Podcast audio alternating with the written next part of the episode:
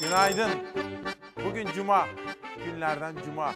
27 Mayıs 2022 Cuma sabahında İsmail Küçükkaya ile Mavi Bir Sabaha hoş geldiniz. Bir memleket uyanıyor. Ekonomi dün tam da tahmin ettiğimiz gibi Merkez Bankası'nın faizleri sabit tutacağına dair tahminimiz tuttu. Ve bunun yansımaları dolar tutulabildi mi? Buna bakacağız. Hükümet kira artışlarına çare arıyor. İlk toplantıdan sızan formüller nelerdi? Buna bakacağız.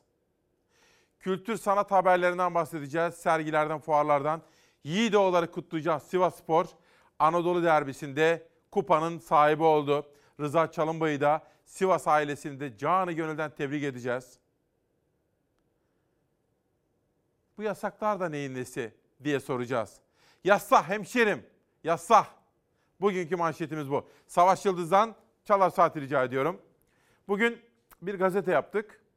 Son günlerde anlam veremediğimiz, şaşırdığımız, yadırgadığımız yasak kararları anlamaya çalışıyoruz. Neden? Ne oldu? Özgürlükler ülkesi olmak iddiasıyla çıkmıştık yola. Neden bu yasaklar peş peşe geliyor? Türkiye peş peşe gelen konser ve festival iptallerinin şaşkınlığını, şokunu yaşıyor. Bunları derledik, toparladık. Hangi valilik, hangi gerekçeyle, hangi konseri, mesela Eskişehir, Isparta, bütün bunlara bakacağız. Yasakçı valilerden bahsedeceğiz sizlere bugün. Ve Barış Atay, İçişleri Bakanı Süleyman Soylu'ya sordu. Bu yasak kararları da neyin nesidir Sayın Bakan? Bu talimatları siz mi verdiniz diye soracağız. Bugünkü temel gündem maddelerimizden birisi budur diyorum. Ve yönetmenimden rica ediyorum şöyle bir dışarıya bakalım. İçimiz açılsın. Özel bir sabahta karşı karşıyayız. Bunun dışında sizlere ekonomi dünyasından haberler vereceğim. Milli Güvenlik Kurulu'nda dün yapılan toplantıda hangi kararlar alındı? Yerel gazeteler Yozgat'ın acısını, şehit acısını paylaşacağız İleri Gazetesi'nden. Dünyanın manşetlerine baktığımız zaman Financial Times gazetesinde Ukrayna'ya, Ukrayna lideri Zelenski'ye kim gitti? Hangi ülkenin lideri gitti? Her birine bakacağız ama çok üzülerek belirtmeliyim ki bu kuşakta ve bir sonraki kuşakta zam haberleriyle başlayacağız maalesef. Kazandığımız paraların hepsi mazota kaçıyor zaten. Ben kendi özel aracımı hiç çıkarmıyorum. Bu da şirket mecbur iş için. Dolar kurundaki önlenemeyen yükseliş doğrudan akaryakıt fiyatlarını etkiledi. Araç sahipleri yansımasını ceplerinde gördü. Benzine 1 lira 45 kuruş, motorine 1 lira 40 kuruşluk dev zam geldi. Aldığımız bütün parayı benzine veriyoruz. Başka bir şey değil. Mecbursun. Sabah işe gidiyor. Malzeme götürüyor. Malzeme getiriyor. Mecbursun. Küresel çapta petrol fiyatlarındaki sakin seyre rağmen Türk lirası dolar karşısında değer kaybedince akaryakıt fiyatları yükselişe geçti. Kontağı çalıştırırken araç sahipleri iki kez düşünür oldu. Doğalgaz, elektrik, su, enerji giderleri aylık gelirimizin ortalama yarısını kapsıyor. Daha hiçbir sınır mıdır kalmadı. Bütün sınırları aştık. Bizim psikolojik sınırımız daha bir rakamla belirlenecek gibi değil. Araç sahiplerini üzen zam haberi gece yarısında geldi. Benzinin litresi 1 lira 45 kuruş, motorinin litresi 1 lira 40 kuruş zamlandı. Gelen zamlar sadece araç sahiplerini de ilgilendirmiyor. Araç alacak durumu olmayanlar da zamlardan etkileniyor. Çünkü nakliye bedelleri artıyor.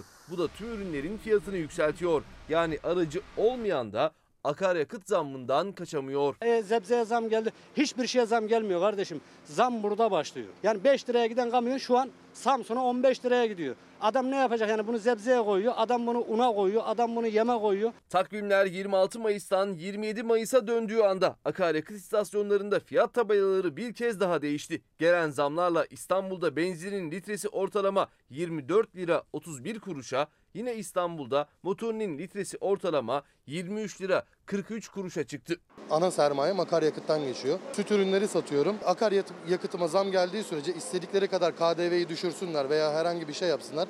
Ben bunu sat- sattığım ürüne yansıtmak zorundayım. Çünkü benim için maliyet şu an geçen seneye bu, bu sene kıyasla aşağı yukarı 3 katından fazlaya çıkmaya başladı. Ortalama 55 litrelik depoya sahip benzinli bir aracın deposu artık 1337 liraya, yine ortalama 55 litrelik bir depoya sahip dizel bir aracın deposuysa artık 1288 liraya doluyor. 100 liralık alacağız. Herhalde yarın biter. Aracı neden kullanmıyorsunuz? Pahalılıktan, benzin pahalı. Yıllık bazda bakıldığında ise zamların büyüklüğü daha da dikkat çekiyor. Geçtiğimiz yıl bugün yani 27 Mayıs 2021'de benzinin litresi 7 lira 72 kuruştu. Benzin bir yılda %214 zamlandı. Bugün 24 lira 31 kuruşa çıktı. Geçtiğimiz yıl bugün 7 lira 20 kuruş olan motorinin litre fiyatı ise bir yılda %225 artarak bugün 23 lira 43 kuruştan satılıyor. Tabii bu nereye kadar gidecek diye soruyor Süreyya Hanım. Vallahi bilmiyorum. Ama bakın alkollü içeceklere, sigaraya ÖTV zammı geldi. Anlatayım.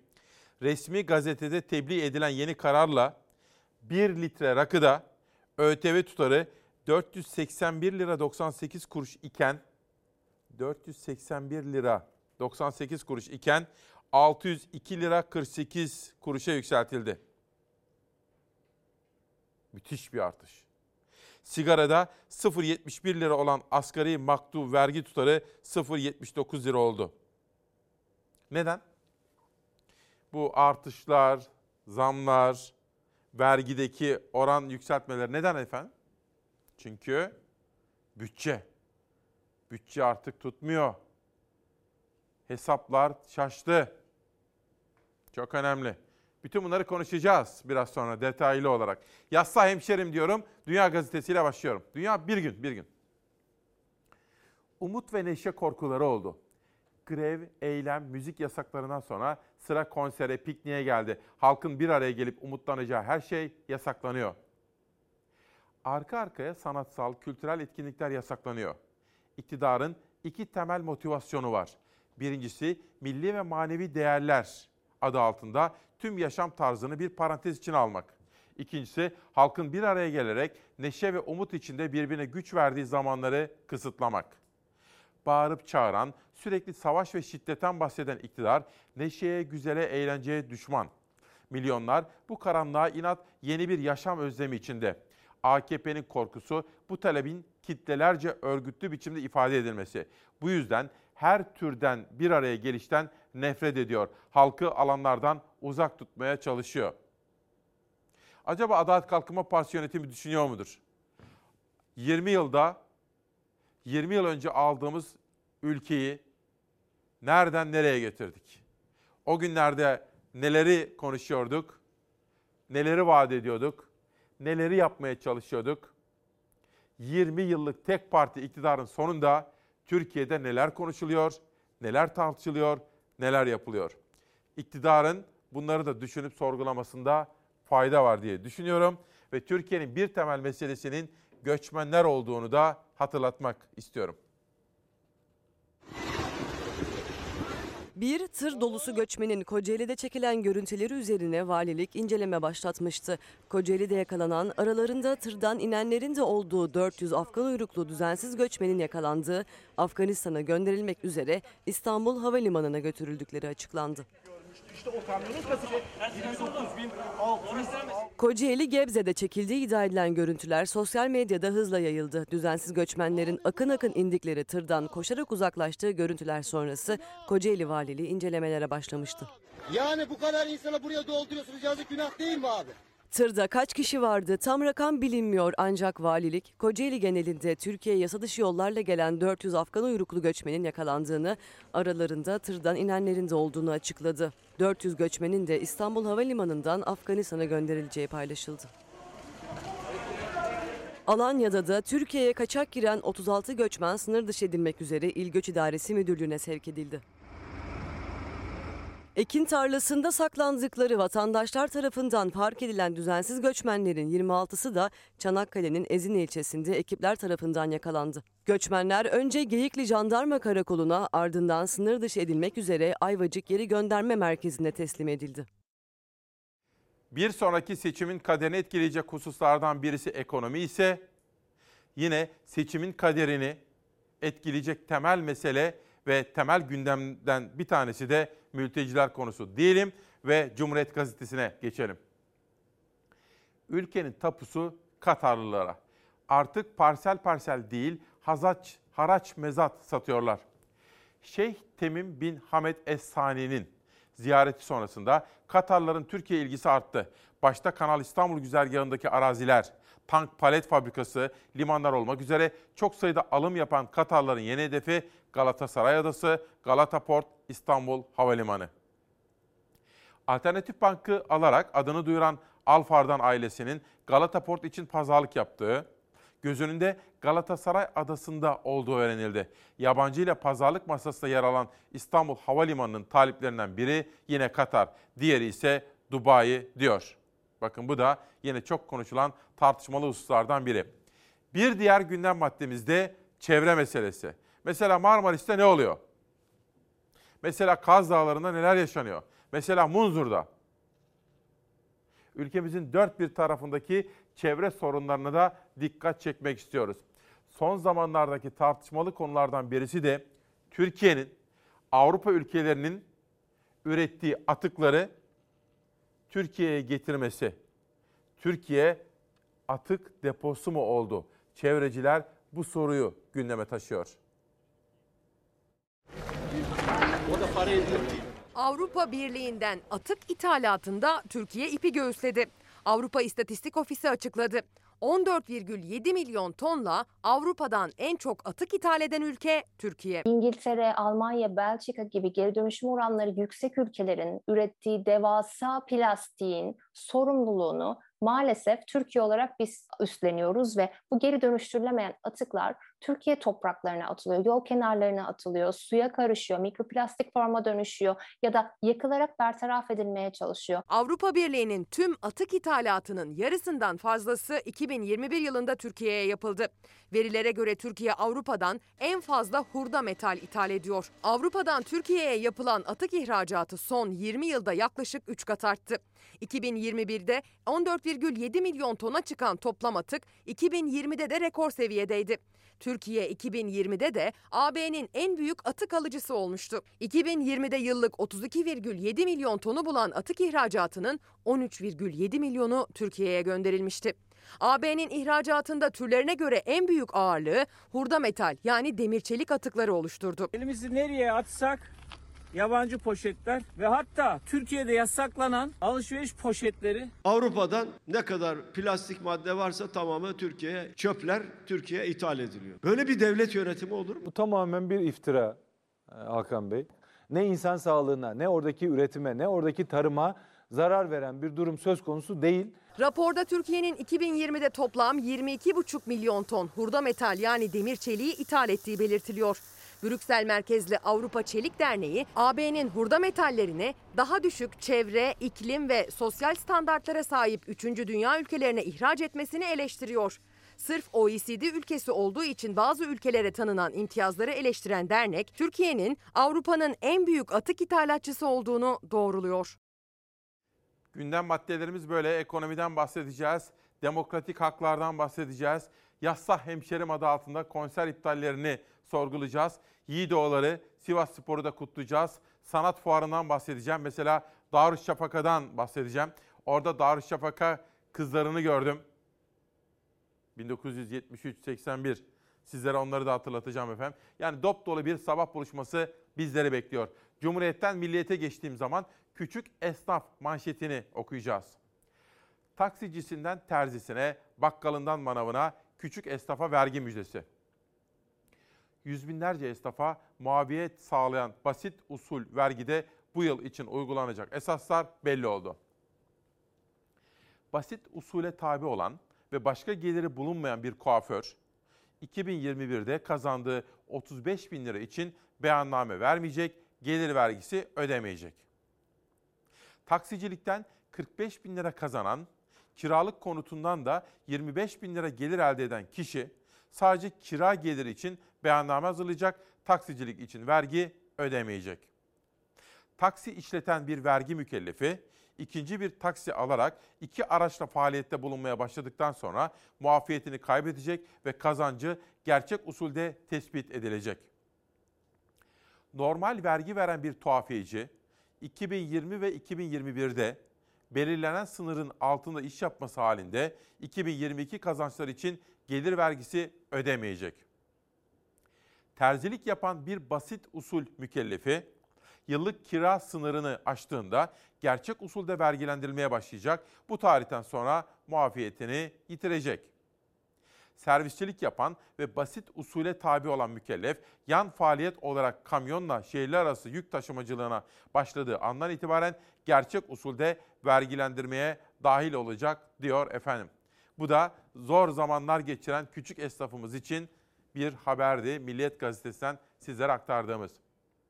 Bir de hani her sabah uyandığımızda ilerideki o hayal için, o güzel Türkiye hedefine ulaşmak için bir takım savuna geldiğimiz, daima gündemde tuttuğumuz, her zaman hassasiyetle üzerinde durduğumuz konular var.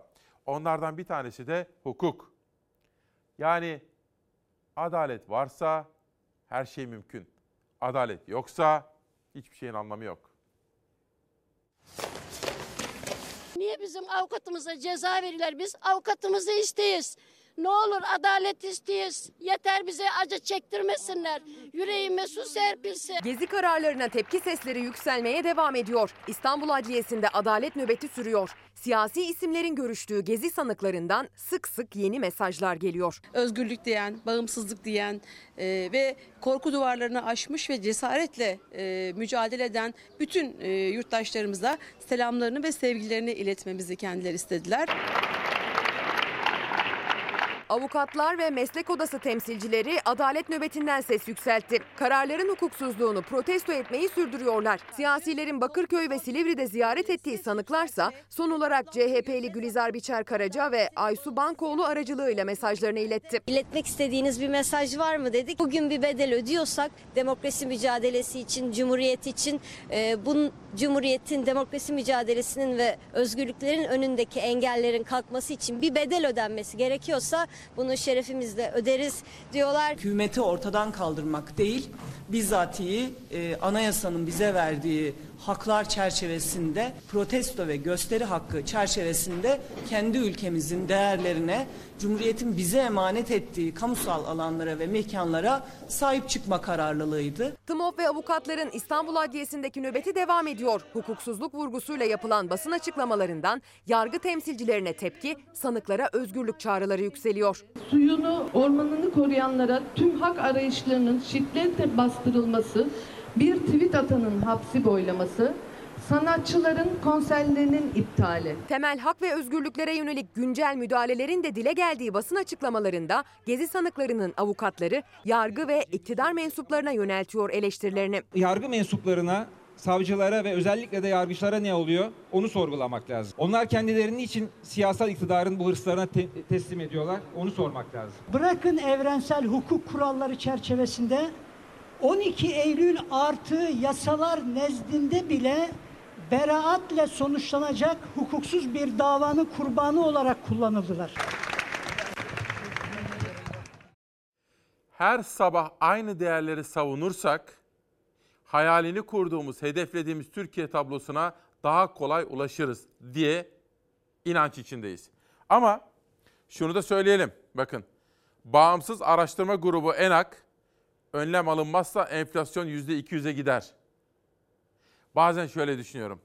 Her gün gelen zamlar, işte bu sabah benzine, motorine, artışlar, ÖTV artışları, alkollü içkiye, sigaraya, dün bandrole. Adeta, bilmiyorum siz de benim gibi düşünüyorsunuz, önlem almak yerine bıraktılar böyle, kamyon böyle yokuş aşağı gidiyor gibi hissediyorum. Niye durdurulamıyor? Hayatımız zorlaşıyor, geçim şartları ağırlaşıyor. Gerçek ve kalıcı bir çözüm neden bulunamıyor? Elinizi tutan mı var? 20 yıldır tek başınıza ülkeyi yönetiyorsunuz. Dünyada bile çok nadir olan bir şeydir. 20 yıl Türkiye gibi büyük bir ülkeyi tek başına yöneten bir iktidar ve karşı karşıya kaldığımız tablo bu. Hazin bence. Milliyetten sözcüye geçiyorum. Halk zenginleşmiş. Sözcünün manşetinde de bir savurganlığın haberi var. Onu 9 kuşağında ayrıca hazırladığımız bir bantla birlikte sizlere sunacağım. Ama şimdi acaba AK Partili vekile katılacak mısınız? Halk zenginleşmiş, ünlem. Vatandaş zamlar yüzünden ay sonunu getiremezken AKP'li vekil Kemal Çelik halkımız zenginleşti dedi. CHP'li Atilla Sertel itiraz etti. İşte ikisinin atışması. AKP Antalya Milletvekili Kemal Çelik, bizim dönemimizde halk zenginleşti demiş. Sözcüden okuyorum. CHP'li İzmir Milletvekili Atilla Sertel ise tebrik ediyorum seni. Kapalı devre yaşıyorsunuz. Halk nasıl zenginleşti derken Antalya Milletvekili Kemal Çelik her yer doğalgaz oldu. Kömür yardımı yapılan aile sayısı azaldı demiş efendim. Yani eğer Kemal Bey nerede? Tabii Antalya'da yaşıyor. Hani Antalya'da mı yaşayalım? Ya da ne yiyip ne içiyor? Tabii Antalya'nın seralarından yetişenlerden, domateslerden mi yiyor bilmiyorum. Ama ben Kemal Bey ne yiyorsa, ne içiyorsa, nasıl yaşıyorsa öyle yemeye, öyle içmeye, öyle yaşamaya da talibim. Yeter ki kafamız böyle olsun diyelim. Ama havalar nasıl olursa olsun sizin havanız iyi olsun. Güne başlarken hava açık, zamanla yer yer kapatacak. Akşama yurdun güneyinde yağış bekleniyor. Sıcaklıklarsa artışını sürdürüyor. Bugün yurt genelinde gün güneşli başlayacak. Zamanla gökyüzündeki bulutlanma artıyor. Anadolu'da yer yer artan bulutlar güneşi tamamen perdeleyecek kadar yoğun olmayacak. Günün ilerleyen saatlerinde Akdeniz bölgesinde ve İç Anadolu bölgesinin güney illerinde hava kapatıyor.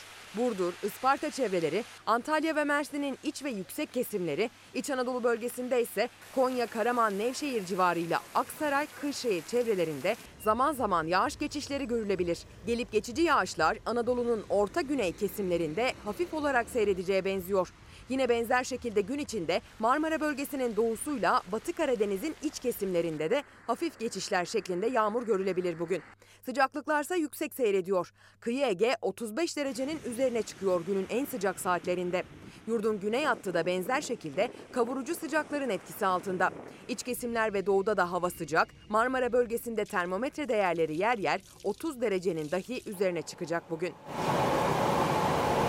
Hafta sonunda sıcak etki devam edecek. Ege daha da ısınacak, sıcaklıklar yer yer 40 dereceye yaklaşacak. Marmara günün en sıcak saatlerinde 35 dereceler civarında seyrederken Orta ve Doğu Anadolu'da 30 dereceler çevresinde sıcaklıklar ölçülecek.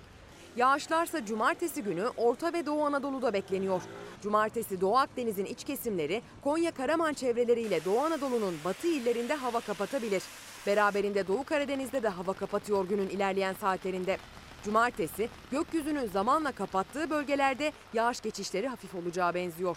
Pazar günü hava yine oldukça sıcak olacak. İç Batı Anadolu'da, İç Ege, Batı Karadeniz'in iç kesimleri ve İç Anadolu'nun batısını kapsayacak şekilde bulut geçişleri yer yer hafif yağış bırakabilir. Bir de Doğu Anadolu'nun en kuzeydoğu kesimlerinde zamanla hava kapatacak, gökyüzü yağış geçişlerine neden olacak. Anadolu'da yer yer yağış ve bulut geçişleri yaşanacak olsa da sıcak bir hafta sonu olacağı benziyor yurt genelinde. Yaz tadında yaşanacak ilk hafta sonunda gün ortasında güneşten korunmanın önemi de artıyor. Cansu Hanım etiketimizi beğenmiş efendim. Öyle.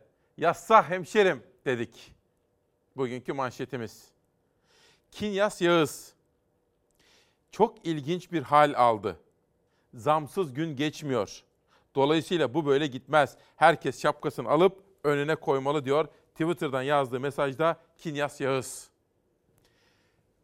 Tam da şimdi ülkemizin ne hale geldiğinin en çarpıcı manşetini Milli Gazete'yi okuyacağım.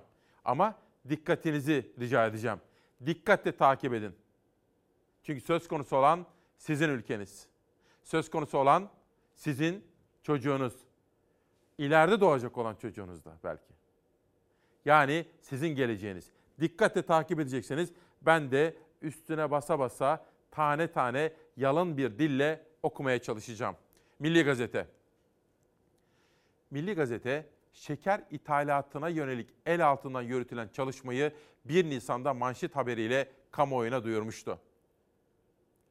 Türkiye sonunda şekeri de ithal edecek. Buğday başta olmak üzere birçok stratejik üründe ithalatçı konumuna düşen Türkiye, sonunda şekerde de ithalat kapılarını açıyor. Tarım ve Orman Bakanlığı imalatçılara şeker ithalatı yetkisi verilmek üzere çalışma başlattığını duyurdu. Milli Gazete, Tarım Bakanlığı, Tarım ve Orman Bakanlığı'nın şeker ithalatına yönelik el altına yürüttüğü çalışmayı 1 Nisan'da haber olarak kamuoyuna duyurmuştu. Depolar şeker doluyken Neyin ithalatı? Neden efendim? Türkiye gibi bir ülkenin şeker ithal etmesi. Neden? Ama sonuçta sizler akıllı insanlarsınız. Değil mi? Ülkesini çok seven insanlarsınız. Değil mi? Akıllı, çok seven insanlar. Peki ülkesi için ne yapması gerekiyor bizim halkımızın? Elini taşın altına koyması gerekiyor. Ha, sizin çok bir riskiniz falan yok. Örgütlenmek, anayasamızdaki teminat altındaki haklarımızı kullanmak. Seçimde oyunuzu kullanmak. Oyunuzu kullandıktan sonra o oylara sahip olmak. Teşkilatlı, ne bileyim oy ve ötesi mi olur adınıza ne geliyorsa. Ülkenizi seviyorsanız bunları yapacaksınız. İki gündür Ruat Mengi'nin konuğu Ümit Özdağ. O hem Sadat meselesiyle ilgili dün gündemi belirledi. Hem bir taraftan İçişleri Bakanı Süleyman Soylu'ya ilişkin sözleri çok konuşuluyor. Bir taraftan da yine burada gündeme getirmişti. İsmail Küçükkaya Demokrasi Meydanı'nda ve o gün bugündür gündem oldu. Neden Mansur Yavaş konusu ısrar ediyorsunuz diye soruyor Ruat Mengi. O da diyor ki Mansur Yavaş konusu ısrar ediyorum. Çünkü şu an Türkiye'de hem AKP'den hem de MHP'den oy alan tek isim Yavaş diyor. Mansur Yavaş'ın aday olması halinde Tayyip Erdoğan'ı eğer aday olursa en az 20 puan farkla geçer iddiasında Ümit Özdağ. Kılıçdaroğlu'nun gündeme taşıdığı mesele bir sonraki seçimin ve sandığın güvenliği. Sadatçı kuruluşlar sözleşmesine yazmış. Terörist nasıl yetiştirilir? Biz yapacağız. Suikast nasıl yapılır? Biz yapacağız. Böyle bir anlayış olur mu ya? Ankara'dan İstanbul'a gitmek üzere VIP'te oturuyordum. Otobüse çağrıldık. Yanımda koruma polisi arkadaşlarla otururken Adnan Tanrıverdi geldi. 15 Temmuz gecesi askeri birliklerin önüne çekilen otobüs, kamyon vesaireyi siz mi organize ettiniz dedim. Kabul ederek başını salladı. Zafer Partisi Genel Başkanı Ümit Özdağ'ın iddiası bununla sınırlı değil. 15 Temmuz'dan sonra paramiliter yapılar yetiştirdiği iddiasıyla ismi gündemde olan Sadat'ın 15 Temmuz darbe girişiminden önce askeri birliklerin ele geçirilmesi için sivillere eğitim verdiğini Sadat kurucusu emekli general Adnan Tanrıverdi Özdağ anlatmış. Aslında askeri birlikleri ele geçirmekle ilgili daha önceden sivil insanlarla bir çalışmamız da vardı. Bunu haber almışlar ve askeri birliklerin siviller tarafından ele geçirilmesini engellemeye yönelik bazı eğitimler yapılmış dedi. Çalışmalar devam ediyor mu diye sordum. Ediyor dedi. Silahlı çalışmalar var mı acaba bunun içinde dedim. Zırhlı birliklerin durdurulması ile ilgili çalışmalar var dedi. 15 Temmuz darbe girişiminden önce sivillerin askeri birlikleri ele geçirmesine yönelik eğitim kimlere neden verildi? Bu iddia doğru mu? Sadat'tan bir açıklama yok. Ama Ümit Özdağ'ın Sözcü gazetesine anlattıklarına göre yaşanan diyalog Adnan Tanrıverdi'nin Cumhurbaşkanı Başdanışmanı olduğu dönemde yaşanmış. Bana kart vizitini verdi. Cumhurbaşkanı askeri başdanışmanı yazıyor. Ben de kartımı ona verdim. Eline alnına götürerek ''Aa Ümit Özdağ'' diye bağırdı. Beni bir AK Parti milletvekili zannederek bu kadar açık konuşmuş. Bu konuşmaları inkar ederse koruma polisi şahittir. Dernek kuruyorsunuz ben terörist yetiştireceğim diye. Ve izin veriliyor buna. İzni veren kim? Nasıl bir anlayıştır bu? CHP liderinin kapısına giderek raftan indirdiği Sadat tartışması Ümit Özdağ'ın iddialarıyla daha da büyüdü. İşte böyle bir gündem bizleri bekliyor. İsmail Küçükkaya ile Demokrasi Meydanı'nda mavi bir sabahta. Bizim savuna geldiğimiz değerlerden bir tanesi çocuklarımızın, kızlarımızın okuması. Sizlere daha evvel bir toplantıdan bahsetmiştim. Suna Kıraç'ın kızı İpek Kıraç'ın üstlendiği kız çocuklarımızın okutulması projesi Suna'nın kızları. Şimdi onun raporu geldi ve içinde de İpek Kıraç'tan bize gelmiş bir mektup. Ama henüz okuma imkanı bulmadım. Hafta sonunda bunu çalışacağım. Bu konuyla ilgili Darüşşafaka'dan da sizlere bir mesaj var. Dün burada Art Contact fuarına gitmiştim. Hafta sonunda işiniz yoksa İstanbul'daysa işiniz varsa da iki saatinizi ayırıp Yeni Kapı'ya Kadir Topbaş Merkezi'ne gidin. Olağanüstü bir fuar, sergi, kültür sanat. Sadece kültür var, sanat var. Şimdi bakın iki fotoğraf orada ta- tanıştık. Fevziye Işık Okulları yönetiminden bazı projelerinden bahsettiler. Takip edeceğime söz verdim. Aydınlık Türkiye yolunda bir takım çocuklarımız için projeler, onlarla işbirliği yapacağım. Ve sonra kızlar dediler ki bakın biz Darüşşafakalıyız. Her gün kız çocuklarından bahsediyorsunuz dediler. Ve ben de tabii ki dedim. Onlar yıllar yıllar önce, o kadar da değil aslında da. Onlar bir süre önce Darüşşafaka'ya girmişler. O gün bugündür kız kardeşliğini sürdürüyorlar. Şimdi değerli izleyenler bakın ben biliyorsunuz Darüşşafaka'ya çok değer veriyorum. Burada fuarda 6 harika kadınla tanıştım. Onlar bir zamanlar küçük kız çocuklarıydı. Darüşşafakalı 1973'te girmişler değil mi? Evet, ben diş hekimiyim şu an. 11 yaşından beri arkadaşım hepsi. 11 yaşınızdan beri 11 birliktesiniz. 81 mezunuyuz, 3. kızlarız. Merhaba. Siz Boğaziçi mezunusunuz. Evet, biz arkadaşımızın eşi de bizim dönemden onun için Ben geldik gelin sen. boğaz, ay, O gelin bizim Darüşşafaka'lıyım. Sizler esnafsınız. Siz fuarda olduğu için merhabalar. Darüşşafakalısınız siz. Ve kız kardeşler böyle. Şanslı kızlar. Peki bir şey söyleyeceğim. Yarın televizyonda ne söyleyeyim sizinle ilgili? Darüşşafaka'nın pazar günü sınavı var. Herkes bu konsepte uyabilecek kişiler çocuklarını bu sınava lütfen soksunlar ve herkes destek olsun. Tamam. Peki hali vakti yerinde olanlara ne mesajı verelim? Onlar da unutmasınlar, bağışlarını yapsınlar. Darüşşafaka'ya. Evet. Çocuklarımızı okutalım. İktidarı ne olursa olsun. Değil mi? Küçük büyük demeden. Evet, evet. Ben de bir Darüşşafaka gönüllüsüyüm aynı zamanda biliyorsunuz.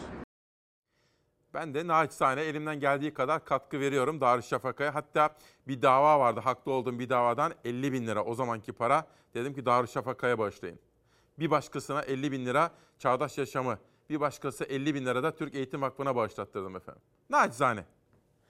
Bu arada dün Melek Mosto ile konuştum. Daha evvel burada ağırlamıştık biliyorsunuz. Nedir dedim. Anlamak mümkün değil dedi yasakları. Bu arada sanatçının düşüncelerini ifade etmesinden daha doğal bir şey olamaz. Sesini ve sanatını beğendiğim Melek Mosso'yu Burdur'umuza davet ediyorum. En kısa zamanda sizi bölge halkımıza buluşturmam için inanılmaz bir talep alıyorum. Demokrat bir kentte gençlerle buluşmaya ne dersiniz diyor. Melek Mosso diyoruz. Hayatım kaymış hangi yönde olduğu bilinmez Gel bir gör beni belki sensindir bunun sebebi Dur bir yok deme düşünmeden hareket etme Mesailer harcamış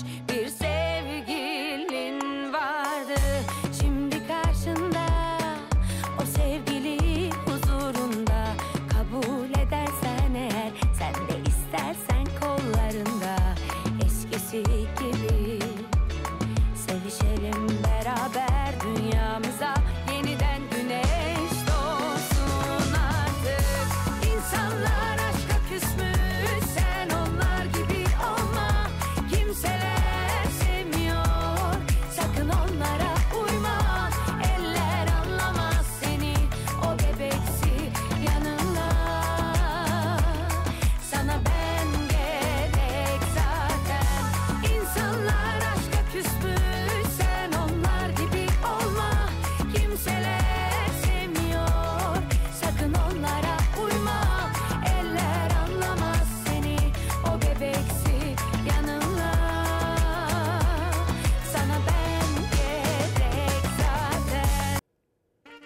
Mavi bir sabahtan günaydın. 27 Mayıs 2022 günlerden Cuma. İsmail Küçükkaya ile asla umudumuzu yitirmediğimiz ama gerçekleri mutlaka konuştuğumuz özel bir hakikat buluşması. Ama zamlar var. 8'de zam haberleriyle başlamıştık maalesef. Devam edeceğiz maalesef. Önlem alınması gerekiyor. Merkez Bankası dün faizleri sabit tuttu. Şaşırdık mı? Şaşırmadık. Dün konuştuk mu? Konuştuk. Peki bugünkü manşetimiz yassah hemşerim. Yassah. Nereden çıktı? Neden çıktı? 20 yıllık bir tek parti iktidarında bu yasaklar neden? Festivaller, konserler anlam vermek mümkün değil. Bugünkü Çalar Saat gazetemiz. Gazetemizi Zeray Kınacı hazırladı. Orkun Özgül sizler için çizdi. Yassa hemşerim. Manşetimizin çıkış öyküsü de danışmanıma Nihal Kemaloğlu'na ait. Sen dedi bunu güzel anlatabilirsin. Yassa hemşerim. Dün araştırdım, soruşturdum. Kimse anlam verebilmiş değil. Melek Mosso'yla da konuştum. Hükümet çevreleriyle de konuştum. Anlam vermek mümkün değil. İşte örnekler. Türkiye peş peşe gelen konser ve festival iptallerinin şaşkınlığını yaşıyor. Örnekler, örnekler, örnekler. Buraya bir tek ODTÜ'yü almadık. Çünkü ODTÜ konser iptalinde bizim konserimizin olacağı gün 5 şehidimiz vardı. O nedenle konserimizi iptal etmedik, erteledik dediler. Bunu makul bulduk. O nedenle bu listeye koymadık. Ama yok genel ahlak şuymuş buymuş filan gibi gerekçelerle. Ülkemizin neşesini, coşkusunu, bir araya gelme heyecanını baltalamasına gönlümüz razı değildir kimselerin. İşte örnekler. Hatta Barış Atay, Türkiye İşçi Partisi milletvekili Süleyman Soylu'ya dedi ki bu yasaklar nereden çıktı? Mantığı nedir? Bu yasakların talimatını kim verdi? Yoksa siz mi verdiniz diyerek İçişleri Bakanı'na sorular yöneltti efendim. Bunu sizlere anlatacağım. Yassa hemşerim dedik. Ama izin verirseniz zamlar, yasaklar, demokrasi nöbetleri. Bir de güzel bir haber vereyim ya. Anadolu derbisiydi o. Kayseri Spor'u uzatmada yendi. Rıza Çalınbay zaten benim çok takdir ettiğim, çok beğendiğim, hayranı olduğum birisidir. Futbolculuğundan beri çok efendi biridir. Ve başarıdan başarıya koşuyor. Şampiyon Sivas Spor bakın. Sivas Spor'u da canı gönülden kutluyoruz efendim. Gönlüme göre bir yayın yapsam burada sadece coşkudan, umuttan, hayatın en güzel taraflarından bahsederdim. Ama ülkenin gerçeklerini sizlerden saklamaya da gönlümüz razı gelmez. Gerçekleri konuşarak, hakikatin gözünün içine bakarak çoğaltacağız umudumuzu. Zamlar, zamlar, zamlar. Hiç düşünmüyorum gözüm gibi bakıyorum telefonuma. Nasıl değiştireceğiz Allah aşkına bu pahalılıkta? Çocuğum gibi bakıyorum telefonuma. Fazla kullanmamaya bakıyoruz ki eskimesinler. ihtiyaç duyarsak alamayacağız. Artık almak daha da zor çünkü TRT bandrol ücretine zam geldi. Cep telefonunda %10'dan %12'ye, tablet ve bilgisayarda %2'den %4'e çıkarıldı. Otomobillerde de binde 4 olan TRT bandrol ücreti %100 zamlanarak binde 8 oldu. Alkollü içeceklerde ve sigarada özel tüketim vergisi oranı ise arttırıldı. Alkollü içeceklerden alınan ÖTV %25, sigaradan alınan ÖTV ise %10 arttı. Bizim için kötü. Fiyatlar artacak demektir yani. Ortalama 500 bin liralık bir otomobilde çıplak fiyat 250 bin lirayken 1000 lira bandrol ücreti alınıyordu. Şimdi bunun 2000 lira olması bekleniyor. Yani tam iki kat daha fazla. Üstelik ÖTV ve KDV de dahil değil. Bu boşalan hazineyi bir şekilde dolduracaklar. Vergi önemli tabii. Vergi güçtür ama hani böylesi bir dönemde de vergilerin bu kadar yüksek olması mantıklı mı? Bilmiyorum yani. Toplumun gün geçtikçe satın alma gücü e, dibe iniyor. Yani refah de- denen bir şey kalmadı. Radyoya, internete bağlı olan tüm cihazlardan TRT bandrol ücreti alınıyor. Akıllı kol saatlerinde %8 olan oran %14'e çıkarıldı. Zaten pahalı olan cep telefonlarında bir de TRT bandrolünün %12'ye yükseltilmesine ise tüketici tepkili. Ürüne direkt zam geliyor. Almakta güçlük çekiyoruz. Cep telefonu en son. Oğlumdan hediye geldi. Emekliyiz tabii. Elimdeki telefonun fiyatı 11.250 lira. Bundan alınan bandrol ücreti 1125 liraydı. Yapılan artıştan sonra 1350 liraya yükseldi. 225 lira fark ediyor. Ama biz aynı cihazı şu an 12.500'e satıyoruz. Yani bizim ülkede zammın söylentisi bile çıkartıyor rakamları. Emekliyim ben de zaten. Para biriktirip almıştım yani. Bundan sonra biraz zor. Fahiş elektrik zammının ardından faturalardan TRT payı kaldırılmıştı. TRT bandrolünün zamlanmasıyla o payın kaldırılmasının etkisi silinmiş oldu. E, Yapboz tahtası gibi her şeye alışmak zorunda kalıyoruz yani. İnşallah evdekiler hiç bozulmaz. Aynı şekilde devam eder yoksa yapacak hiçbir şeyimiz yok alamayız. Yerine koyamayız. Gece saatlerinde yayınlanan resmi gazeteyle vergi artışı kararı alındı. Alkollü içecekler ve sigara ürünlerinde ÖTV oranı artırıldı. Alkollü içeceklerde ÖTV zammı %25 olurken sigaradaki ÖTV zammı %10 olarak gerçekleşti. ÖTV zamları ürünlerin ücretine zammın da habercisi oldu. Yani 8'de söylemiştim. Adeta freni boşalmışçasına böyle gidiyoruz. Her gün zam olur mu? Bir aldığınızı aynı fiyata bir sonraki defa alamıyorsunuz. Bu gidişat nereye diye soruyorum. Sözcüden bir manşet, bir israfın manşeti. AKP'li belediye vatandaşın parasını böyle çarçur etti. 801 milyon dolarlık çöp.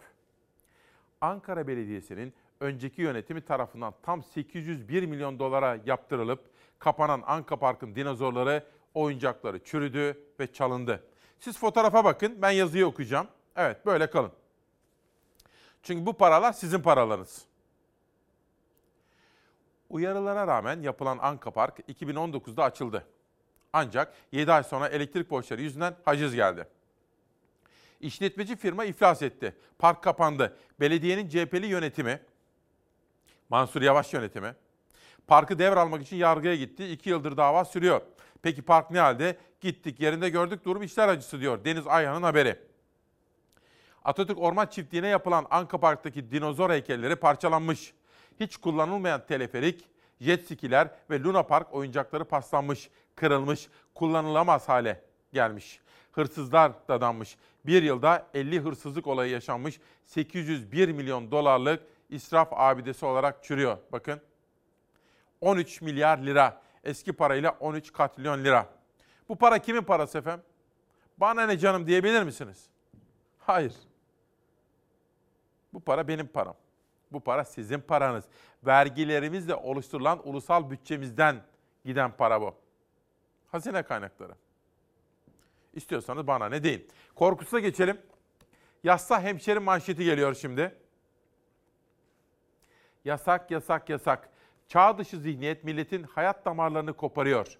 Politik görüşleri, kıyafetleri ve yaşam tarzları sebebiyle birçok sanatçının konserlerine AKP'li belediyeler ve valilikler tarafından yasak getiriliyor.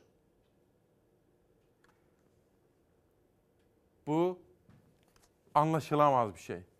Kabul edilemez bir şey. Sordum. Hükümet çevrelerine sordum. Valiliklere sordum. Bir bakanla da konuştum. Melek Mosso'yla da konuştum. Bu yasakların neden getirildiğini anlayabilene rastlamadım daha. Isparta'daki öğrenciler Melek Mosso'yu istemiş kardeşim. Belediyede Melek Mosso'yu getiriyor. Sen ne karışıyorsun öğrencilerin isteğine? Isparta Belediyesi halkımızın inanç ve gelenekleriyle uyuşmayan konserler düzenlemektedir. Ahlaksızlığı özendiren hiçbir şarkıcı halkımız nezdinde sanatçı olarak kabul görmeyecektir. Isparta Belediyesi'nin düzenlediği Gül Festivali'nde şarkıcı Melek Mosso'nun vereceği konser Milli Gençlik Vakfı ve Anadolu Gençlik Derneği'nin açıklamasından sonra iptal edildi. Belediye Melek Mosso'yu konser programından çıkardı. Mosso'dan da muhalefetten de yaşam alanına müdahale tepkisi yükseldi. Ben bu ülkenin kadınıyım. Fikirlerimle, vizyonumla, hayallerimle her yeni gün geleceğe sanatımı işliyorum. Birkaç kendini bilmeze kalmadı benim ahlakımı sorgulamak, kadınlık onuruma laf atmak. Yasaklarda da geldiğimiz nokta ülkenin dört bir yanında yaşam biçimine müdahale. İyi Parti Genel Başkanı Meral Akşener ise Melek Mosso'nun seslendirdiği Yıllar Affetmez şarkısını gideni götürür sandık affetmez notuyla paylaştı. Isparta Belediyesi Uluslararası Gül Festivali'nde ücretsiz konser organize etti. Üç sanatçının ayrı günlerde sahne alacağı konser afişle sosyal medya paylaşımlarıyla duyuruldu. Milli Gençlik Vakfı ve Anadolu Gençlik Derneği Melek Mosso'yu hedef alarak konserin iptalini istedi. Melek Mosso'nun sana ne? Dünya görüşünden, giyiminden, kuşamından benim yaşadığım gibi yaşayacaksın. Çünkü dünya liderimiz böyle istiyor. milli ve manevi değerlerimize dönük çok daha müteyakkız davranmak lazım, çok dikkatli olmak lazım. Isparta Belediye Başkanı Şükrü Başdeğirmen daha önce kendi adının da yazılı olduğu afişten bu kez Melek Mosso'nun konser programını çıkartarak sadece Derya Ulu ve Funda Arar'ın olduğu afişi paylaştı. Melek Mosso konseri iptal oldu. Anadolu Gençlik Derneği ve Milli Gençlik Vakfı bu kez belediyeye teşekkür mesajı yayınladı. Bu tek örnek değil. Aynur Doğan konseri iptal edilmişti. Niyazi Koyuncu konseri iptal edilmişti. Eskişehir'de Anadolu Fest iptal edilmişti. Aslında şaşıracak bir şey yok. Bunlar bu zaten. Yasak, yasak, yasak. Melek Mosso'ya yapılan şeyin karşısında sessiz kalmıyorum ve valiliğin aldığı bu kararı kabul etmiyorum. Gençlerin ahlakını korumak sizin işiniz mi? Rahat bırakın artık gençleri. Bırakın herkes istediği gibi yaşasın. Sanat dünyasından da karara tepkiler yükseldi. Cem Yılmaz konser iptali kararını orta çağdan diyerek eleştirdi. Ahlaklı konser, yeni yeni işler, hayırlı işler. Yine orta çağdan güzel bir orta geldi. Boş kaleye gol atmama, ahlakımla susma hakkımı kullanıyorum. Pas. Bu konuyu Zafer Söken takip etti. Ben ülkeyi yöneten kişilerden birisi olsaydım utanırdım. Sadece üzülmezdim, utanırdım. Hele ben ülkeyi 20 yıldır yöneten iktidarın bir mensubu olsam gerçekten çok üzülürdüm. Benim yönettiğim ülkede sanatçıların konserleri iptal edilecek öyle mi? Böylesine geniş bir coğrafyada, böylesine bin bir çiçekli bir bahçe gibi Türkiye'de, böylesine zengin bir kültür coğrafyasında yasaklarla yola çıkılabileceğini kim zannedebilir ki ya? Ben mesela ülkeyi yöneten kişilerden biri olsaydım, ülkemin daha fazla özgür, daha fazla coşkulu, neşeli olmasını isterdim. Ne demek yasak? Ülke neşesini ve coşkusunu arıyor. Erdoğan kaygısız. Hani biz açık cezaevindeki izinlerle ilgili yayınlar yaptık ya, sesimizi duyurduk. Diyor ki Erdoğan Bey, her sabah kapalı cezaevlerinde de bizi izliyorlar biliyoruz. Allah kurtarsın diyelim. Erdoğan kaygısız. İsmail abi, kapalı cezaevindeki arkadaşlarımızın sesi de olur musunuz? Şartlar ağır diyor efendim. Biliyorsunuz bazı siyasiler başta Sarıgül olmak üzere cezaevlerinin önüne giderek bir kampanya başlattılar. Affet Türkiye'm adı altında. Enes Pehlivan zam zam zam bu kadar vergi artışı yapılıyor. Bu kaynaklar nereye gidiyor diye soruyor Enes Pehlivan. İşte halkımız konuşacak. Türkiye demokratik bir ülke. Halkımız demokratik haklarını kullanacak. Dünya. Şeker açığı ithalata kapı araladı. Heh, buyurun, buyurun buradan yakın. Arzdaki düşüşle birlikte şeker fiyatlarının hızla yükselmesi ve yaşanan tedarik sıkıntısına karşı ithalat yolu açıldı. Tarım ve Orman Bakanlığı şekerde spekülatif fiyat artışını önlemek amacıyla şekerli mamul üretimi yapanlara ithalat izni verileceğini duyurdu.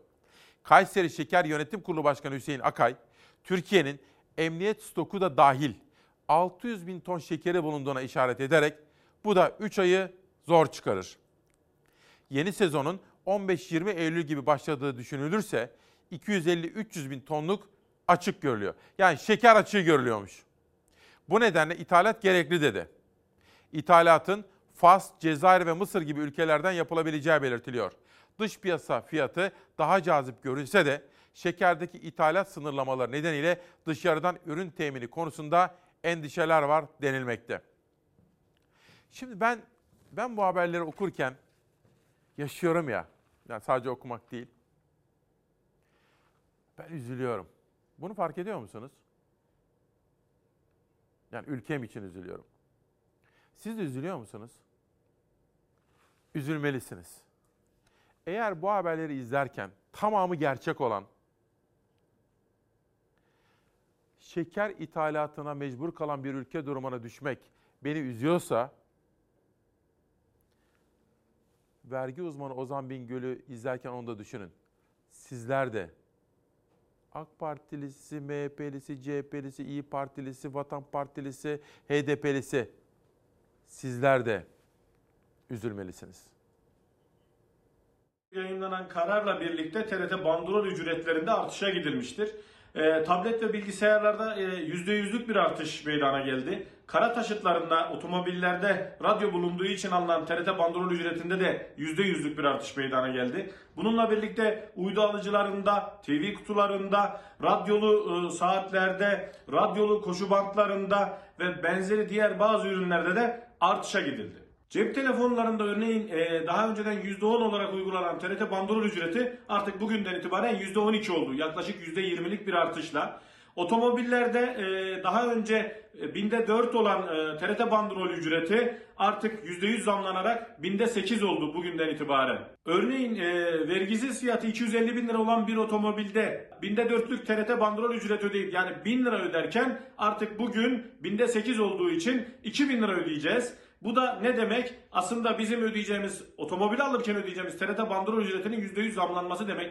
Hatta bu 2000 liranın da e, 250 bin liralık bir otomobilde binde 8 ile 2000 lira olan bu TRT bandrol ücretinin de ÖTV'si ve KDV'sini de düşündüğümüzde vatandaşa yansıması sadece 2000 lira değil 4248 lira olmakta. 3500 lira vergisiz fiyatı 3500 lira olan bir cep telefonunda ise e, TRT bandrol ücretinin %10'dan %12'ye çıkmasındaki fark 70 lira. Ancak yine burada da 70 liralık farkın ÖTV ve KDV'si de dikkate alındığında vatandaşa yansıması 125 lira olacak. Yani 3500 liralık cep telefonunda Yeni sistemde yeni bandrol ücretleriyle 70 lira daha fazla ödeyeceğiz belki TRT bandrol ücretini ama bu 70 lira ÖTV ve KDV'nin de matrağına dahil olduğu için aslında bizim cebimizden 70 değil e, 125 lira çıkmış olacak. Böylesi ekonomik darboğazda her geçen gün daha da yoksullaştığımız bir ortamda kurumlar tasarruf yapmayıp harcamalarından ödün vermeyip yeni kaynak arayışı için vatandaşların cebine müracaat ediyorlarsa artık sözün bittiği yerdeyiz. Çünkü vatandaşta cep delik, cepken delik. Üzülmemiz gerekiyorsa üzüleceğiz.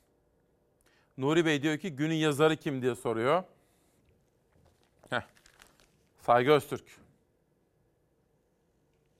Şöyle düşünün. Yazıyı özetleyeceğim de. Askeri okullara girmişsiniz. Kazanmak çok zor. Ben geçmişte girdim de kazanamadım oradan biliyorum. Yazılıları geçseniz bile mülakatta eliyorlar. Ben öyle ortaokulda ve lisede o onları başaramadığım için biliyorum. Yoksa ben de isterdim subay olmayı. Subay okullarını bitirdiniz. Bütün rütbeleri Atatürk'ün giydiği o üniformayı giydiniz gururla. Ülkenize hizmetlerde bulundunuz asker olarak. Ve dört yıldız takıldı iyi mi? Vay. General oldunuz. Güzel. Devamını anlatacağım şimdi. Mesajlar da geliyor bir taraftan. Saygı Öztürk'ün yazısı. Biraz daha devam edeyim. İşte general oldunuz, kuvvet komutanı oldunuz. Yani ülkeye Mustafa Kemal Atatürk'ün giydiği üniformayla birlikte hizmetlerde bulundunuz. Emekli oldunuz. Eşiniz, çoluğunuz, çocuğunuz artık böyle hani gururla bir hayatı tamamlamayı bekliyorsunuz. Ömrünüzün en güzel baharı. Hani ben yaşı 70'ten sonra için öyle derim ya 80, 90 için, 95, 100 için. Ömrünüzün en güzel günleridir o. Heyhat. Bakın hukuki bir değerlendirme yapmıyorum. İnsani bir değerlendirme yapıyorum Saygı Öztürk'ün yazısı üzerinden. Yaşınız 75, kiminiz 80, kiminiz 85, hatta biriniz 93. Canlandırdınız mı? Şu anda cezaevindesiniz. Evet. Saygı Öztürk bunu yazmış. Günün yazarı işte. Anlatacağım şimdi hikayeyi. Ama önce Cumhuriyet'i bir okuyalım. Sarayı laiklik karıştırdı. Erdoğan'ın danışmanları Uçum ile Tayyar ve Saral karşı karşıya geldi. Cumhurbaşkanlığı Başdanışmanı Mehmet Uçum, yeni anayasa çalışması Cumhuriyet, laiklik, Atatürk üzerine kurulacak dedi. Uçum'un sözleri AKP MKYK üyesi Şamil Tayyar bu ne şımarıklık tepkisi gösterdi. Tayyar'a destek Başdanışman Oktay Saral'dan geldi. Saral, Tayyar'ın bu paylaşımına Şamil Baba ağzına ve yönüne sağlık dedi. Şimdi ben Şamil Tayyar'ın zaman zaman bu çıkışlarını önemsemiş birisi olarak şunu anlayamadım ama. Mehmet Uçum'un bu sözlerinde ne var? Bence doğru söylemiş. Cumhuriyet, laiklik, Atatürk. Mehmet Uçum kendisini solcu olarak tanımlıyor. Olabilir solcu, sağcı artık o kavramlar geçti ama fakat solcu da olsanız, sağcı da olsanız bu ülkede yaşayacaksak Cumhuriyet, laiklik, Atatürk değerleri, Cumhuriyet'in kurucu değerleri. Yani Şamil Tayyar burada niye tepki gösterdi bunu da anlayamadım ben doğrusu. Diyelim ve Sivas'a geçelim. Efendim hem Sivas'ı hem de Kayseri'yi kutluyorum. Finaldeydiler. Finale yakışan bir futbol ve bir heyecan fırtınasının arkasından Rıza Çalınbay ve öğrencileri Sivas Spor'a kupayı kazandırdılar. Tabii Kayseri Spor'un da finaldeki başarısını, finale kadar giden süreçteki performansını ve bir kadın spor kulübü başkanı olduğu için de altını çizerek her iki kulübü de kutlayalım.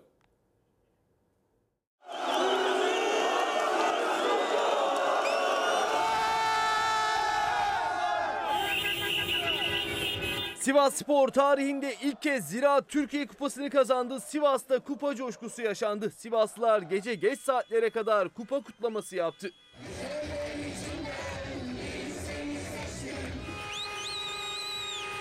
Ziraat Türkiye Kupası final maçında Yukatel Kayseri Spor'la Demir Grup Sivas Spor kozlarını İstanbul'da Atatürk Olimpiyat Stadında paylaştı.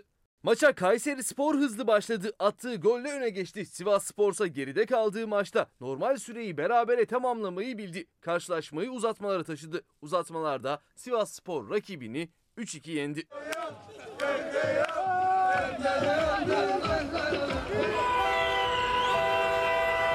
Uzatmalarda gelen galibiyetle Sivas Spor tarihinde ilk kez Ziraat Türkiye Kupası'nı kazandı. Yiğidolar 2022-2023 sezonunda UEFA Avrupa Ligi playoff turuna da katılma hakkını elde etti.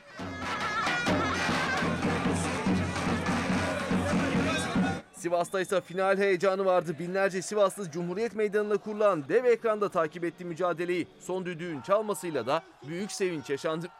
Artık Sivas'ın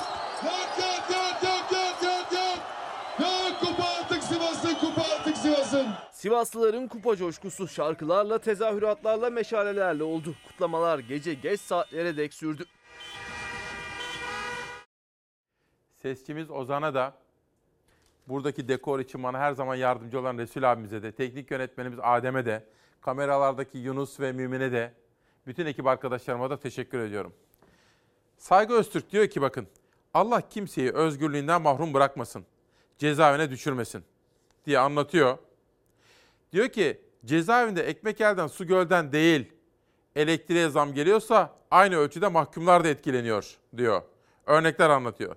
Cezaevindeki odada buzdolabı, ısıtıcı ve kullanımına izin verilen diğer elektrik aletler için süzme saatte gösterilen kullanım bedeli alınıyor bakın. Yemek parası da öyle. 17 lira.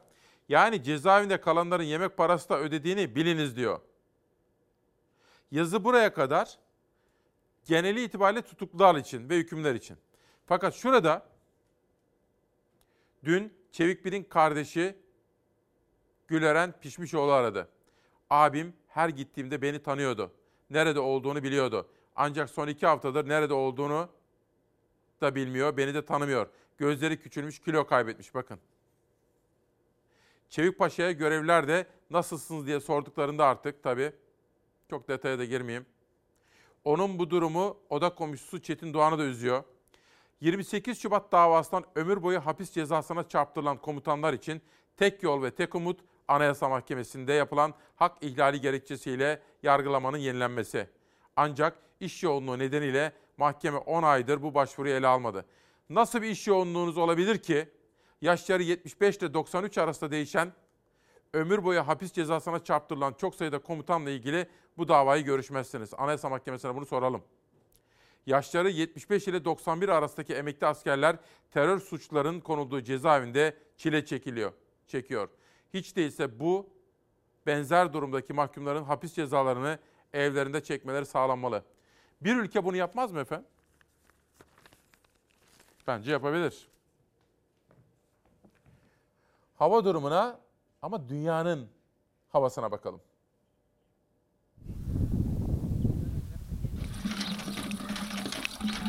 Hindistan'da 50 dereceye kadar çıkan rekor sıcaklık artışı şimdi de Pakistan'ı kavuruyor. İnsan sağlığını tehdit eden sıcak hava dalgası tarıma da darbe vurarak kıtlık endişesini derinleştiriyor. Pakistan'da da Hindistan'da olduğu gibi mahsuller ısı ve susuzluktan kurudu. Sıcak hava dalgası insan sağlığını ciddi şekilde tehdit etmeye başladı. Dünyanın en büyük ikinci buğday üreticisi olan Hindistan'da hava sıcaklığı buğdayda verimi düşürdü. Rusya-Ukrayna savaşıyla bozulan tedarik zinciri Hindistan'daki hava sıcaklığıyla bugün daha da derinleşti. Bir de kum fırtınası tehdidi var. Kuzey Afrika'dan gelerek Türkiye'ye de uzanan Orta Doğu etkisi altına alan kum fırtınası bu kez Kuveyt'te gökyüzünü turuncuya bürüdü. Kuveyt'te deniz trafiği durdu.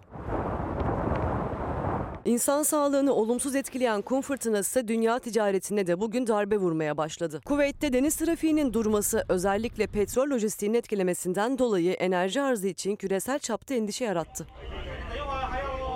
Hayatı durma noktasına getiren toz fırtınası Irak'ta okulların kapanmasına, resmi tatil ilan edilmesine neden oldu. Kuveyt'te ise uçuşlar askıya alındı. Devlet daireleri, ticari işletmeler kapatıldı. Haber masasında da Zafer'in dışında Beyza Gözeyik, Ezgi Gözeger, Zeray Kınacı vardı. Editörümüz Nihal Kemaloğlu, yönetmen koltuğunda Savaş Yıldız. Ve bugün de onun yardımcısı Duru Arca. Yassa hemşerim Yasak. Hikmet Durgun. Aynur Doğan Niyazi Koyuncu, Metin Kemal Kahraman, Apolas Lermi ve Melek Mosso'nun konserlerinin ardından Mem Ararat'ın Bursa konseri de kamu güvenliği gerekçesiyle iptal edildi. Sanatçılar konser yasaklarına çok tepkili. Bu haftaki çiçeğimin boyu biraz uzun. O nedenle bazen görüşünüzü kapatıyor. İsterim ki benimle birlikte sizler de okuyun. Çiçekleri her hafta pazar gidip kendi gözlerimle seç- seçiyorum sizler için. Hikmet Durgun, yasak kardeşim. Ali Can Uludağ, konser yasağı haberleri yurdun 4000 noktasından peş peşe geliyor. Ülkenin demokrasi, temel hak ve özgürlükler ve yaşam tarzı gibi evrensel değerler yönünden nasıl bataklığa gömüldüğümüzü anlık olarak izliyoruz. Faşizm kol geziyor diyor gazeteci Ali Can Uludağ. Adliye koridorlarından tanıyoruz kendisini. Melek Mosso, birkaç kendini bilmeze kalmadı benim ahlakımı sorgulamak. Dün ben de sordum Melek Hanım'a. Anlamak mümkün değil o gerekçeleri diyor. Ama pes edecek değiliz. Sanatımızı yapacağız, şarkılarımızı söyleyeceğiz dedi Melek Mosso. Tip milletvekili Barış Atay iptal edilen konserleri İçişleri Bakanı'na sordu. Talimatı siz mi verdiniz? Çevre Şehircilik ve İklim Değişikliği Bakanı Murat Kurum, vatandaşımız müsteri olsun. Biz fahiş kira artışlarına müsaade etmek durumunda değiliz. Enflasyonun üstünde bir kira artışı söz konusuysa buna müsaade edemeyiz. AKP milletvekili Kemal Çelik, rakamlar ortada, halk zenginleşti diyor. Halkımıza bu zenginliğin tadını çıkarmasını tavsiye ediyoruz. Merkez Bankası faiz kararını açıkladı. Türkiye Cumhuriyet Merkez Bankası Para Politikası Kurulu politika faizini %14 seviyesinde bıraktı. Şaşırtmadı bizleri. Teknofest Azerbaycan için Bakü'de bulunan Selçuk Bayraktar, Türk uşakları azimleri sayesinde neler başarabileceğini tüm dünyaya gösterecek dedi. Dün de İsmail Küçükkaya Demokrasi Meydanı'na Bakü'den bağlandı Selçuk Bayraktar. Teknofest Bakü'de. Bir uçak gelsin, bir teyyareye değsin, belki o ülkelerimizi kozmosa götürecek. Yine bir uçak daha gelsin, o da bir teyyareye dokunsun, belki o da ülkelerimizi müdafaa edecek puaları, teyyareleri hazırlayacak. Teknofest'in şuarı Can Azerbaycan'da bu şekilde. Bu tüm dünyada olduğu gibi sadece savunma sanayinde kalmasın. Savunma sanayi hep lokomotif olmuş. Diğer tüm sivil alanlara yayılsın. Teknofest'i düzenlemekteki maksadımız, deney atölyelerindeki gayretimiz, gayretimizin asıl sebebi tümüyle bu. Bu anlamda bu etkinlikler topluma özgüven vermesi, sadece Batılılar değil, dünyadaki sadece çok gelişmiş ülkeler değil, sen de yapabilirsin duygusunu bir anlamda aşılaması açısından çok önemli. Çünkü bizdeki öğrenilmiş çaresizlik artık Allah'a şükür epey bir yıkıldı. Aslında bu işleri yapmamıza yapmamızdaki en büyük engellerden bir tanesi. İkincisi de elbette bu alanlara olan merakın artması. Nasıl ki bir futbol şampiyonası olduğunda tüm toplum bunu kutluyor. Buradaki çocukların yap- yaptıkları, yapacakları işler daha az önemli değil. Nasıl ki bir sporda olimpiyat madalyası kazanıldığında tüm toplum bunu alkışlıyor. Aynı şekilde biz toplumsal bakış açısını bu anlamda değiştirmek istiyoruz. Ambargoların etkisine bakacak olursanız 1974'te ilk Kıbrıs Muharebesi, ilk harekatı sırasında konulan ambargolar sayesinde biliyorsunuz bağımsız savunma sanayimizin temelleri atılmış oldu. Aselsan kurulmuş oldu. Aslında ambargolar belki kısa vadede e, negatif etkileri olsa da orta ve uzun vadede çok daha kalıcı, çok daha önemli işlerin yapılmasına vesile oluyor, oluyorlar. Bu anlamda bu ambargoların kalkması veya kalkmaması bizler için açıkçası çok önemli değil. Bizler dost doğru yolumuzda devam edeceğiz. İşte Türk savunma sanayi aslında milli ve özgün ürünlerle artık o anlamda kendi göbeğinin bağını kesti ama savunma sanayi teknoloji de çok ufak bir alan. Evet lokomotifi ama biz istiyoruz ki tüm diğer sivil alanlarda da bu başarılsın.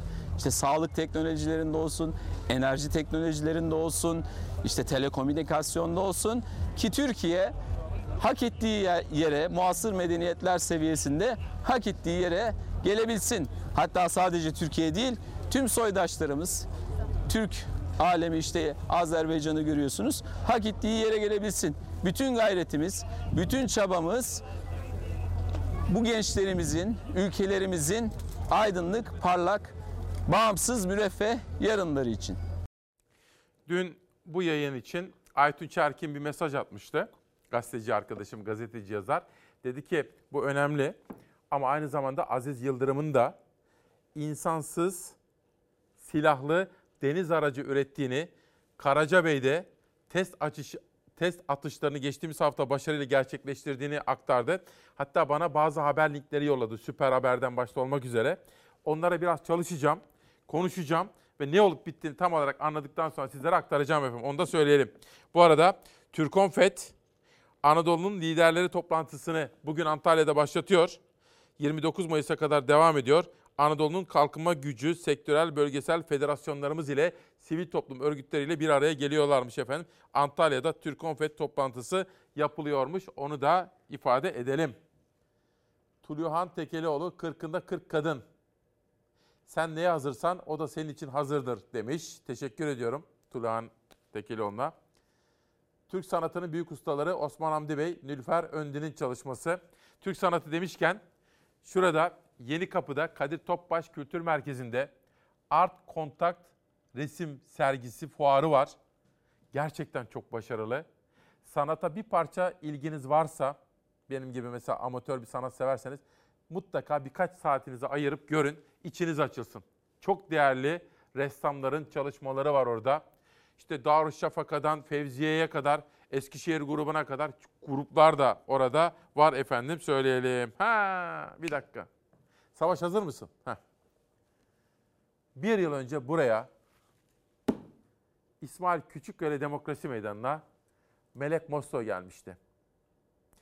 Bugünkü etiketimizi tekrar ederken sizleri bir yıl öncesindeki Melek Mosso buluşmamızla baş başa bırakıyorum.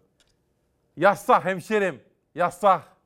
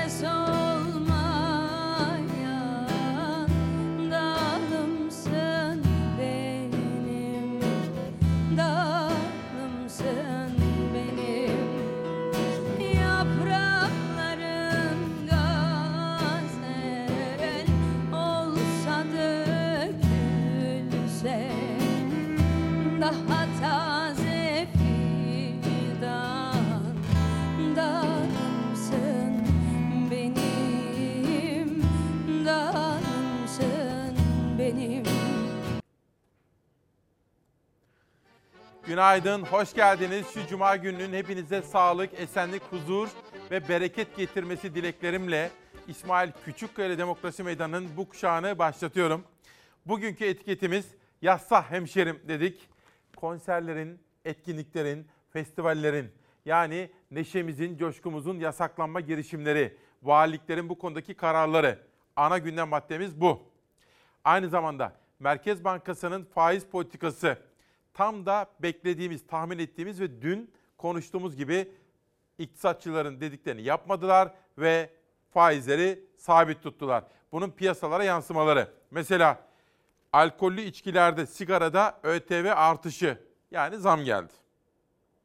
Benzine, otogaza, motorine zam geldi. Hatta üzülerek söylemeliyim ki bu gece bir zam daha yolda.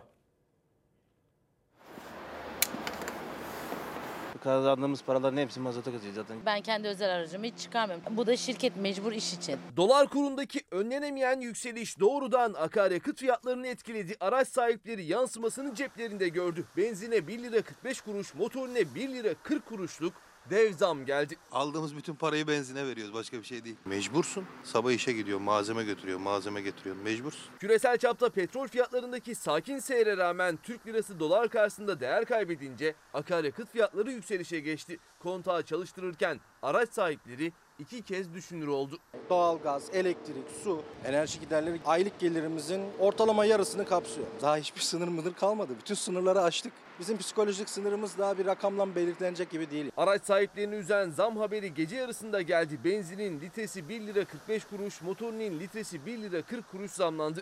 Gelen zamlar sadece araç sahiplerini de ilgilendirmiyor. Araç alacak durumu olmayanlar da zamlardan etkileniyor. Çünkü nakliye bedelleri artıyor. Bu da tüm ürünlerin fiyatını yükseltiyor. Yani aracı olmayan da akaryakıt zammından kaçamıyor. E, zebzeye zam geldi. Hiçbir şeye zam gelmiyor kardeşim. Zam burada başlıyor. Yani 5 liraya giden kamyon şu an Samsun'a 15 liraya gidiyor. Adam ne yapacak yani bunu zebzeye koyuyor, adam bunu una koyuyor, adam bunu yeme koyuyor. Takvimler 26 Mayıs'tan 27 Mayıs'a döndüğü anda akaryakıt istasyonlarında fiyat tabelaları bir kez daha değişti. Gelen zamlarla İstanbul'da benzinin litresi ortalama 24 lira 31 kuruşa, yine İstanbul'da motorinin litresi ortalama 23 lira 43 kuruşa çıktı.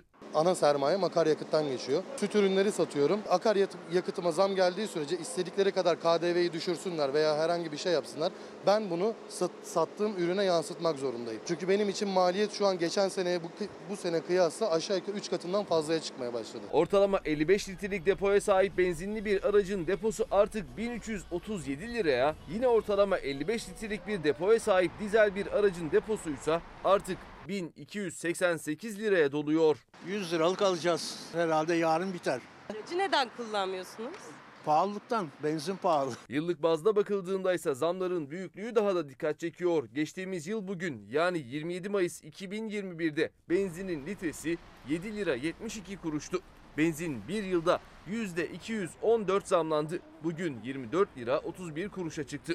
Geçtiğimiz yıl bugün 7 lira 20 kuruş olan motorinin litre fiyatı ise bir yılda %225 artarak bugün 23 lira 43 kuruştan satılıyor. Bugün Türkiye'de halkımızın sizlerin en çok konuştuğu konu sigarada ve içkideki ÖTV artışı, enflasyon, benzine, motorine gelen zam ve gelmekte olan yeni zamlar. Ve bugün Milli Gazete ve Dünya'nın manşetindeki Türkiye'nin şeker ithalatının önünün açılması. Manşet bunlar. Sırada buğday haberi var. Aynı zamanda reklam arasında Şamil Tayyar'la haberleştik. Şamil Tayyar'dan bir mesaj geldi. Bir itirazı var. Bir düzeltme yapacağız.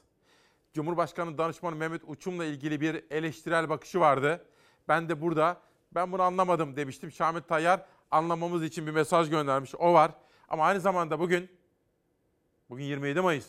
Demokrasi kahramanlarımızı, demokrasi şehitlerimizi saygıyla anıyoruz. 27 Mayıs'ta demokrasi kahramanlarımız Adnan Menderes, Hasan Polatkan, Fatih Rüştü Zorlu'yu saygıyla anıyoruz. Demokrasi tarihimizin mümtaz şahsiyetleri onlar. Bu arada Cumhur Ersümer'den de bir mesaj geldi. Sevgili İsmail kardeşim günaydın. Rahmetle yad ediyorum. 27 Mayıs'ta 1960'ta sabahın köründe babamı geldiler, evden aldılar. Ben o sırada 8 yaşındayım, diyor Cumhur Ersümer. Tutuklama, yargılama, idamlar, bütün bu süreçler 30 Ağustos 1960'ta tutuklu iken babam 38 yaşındayken vefat etti. Bir daha evine dönemedi. 27 Mayıs'ta evinden alınan babam dedi Cumhur Ersümer'e. İşte bakın demokrasi tarihimiz böyle. Ve benzin dedik, şeker ithalatı dedik, tarım politikaları dedik, içkiye gelen zamlar, sigaradaki ÖTV artışları, her geçen gün fiyatların artması, enflasyonun yükselmesi, hayatın geçim zorluklarının artması dedik ve geldik, geldik, geldik buğday yani ekmek dedik.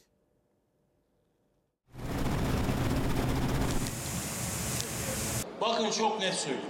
Buğday noksanımız değil fazlamız var. Bakan yardımcısı buğday noksanımız yok, fazlamız var dedi. Ancak sahadan yükselen sesler aksini işaret etti.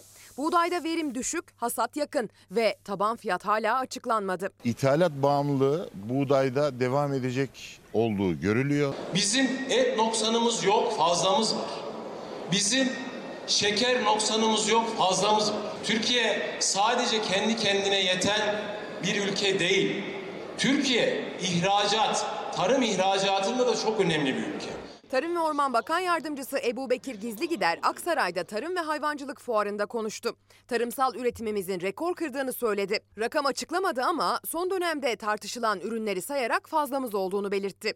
Çiftçinin beklediği buğday taban fiyatına dair fikir vermedi. Bir an önce hızlı bir şekilde e, Toprak Mahsulleri Ofisi'nin çiftçinin yüzünü güldürecek, çiftçinin önünü açacak. Bir sonraki üretim sezonunda tekrar e, üretime dahil olabilecek, e, üretimini sürdürülebilecek şekildeki bir fiyatın acilen açıklanması gerektiğini düşünüyoruz. Buğday hasadına başlanan Adana'nın Ziraat Mühendisleri Odası Başkanı'yla Ziraat Mühendisleri Odaları Başkanları ortak basın açıklamasıyla taban fiyatın bir an önce açıklanmasını talep ettiler.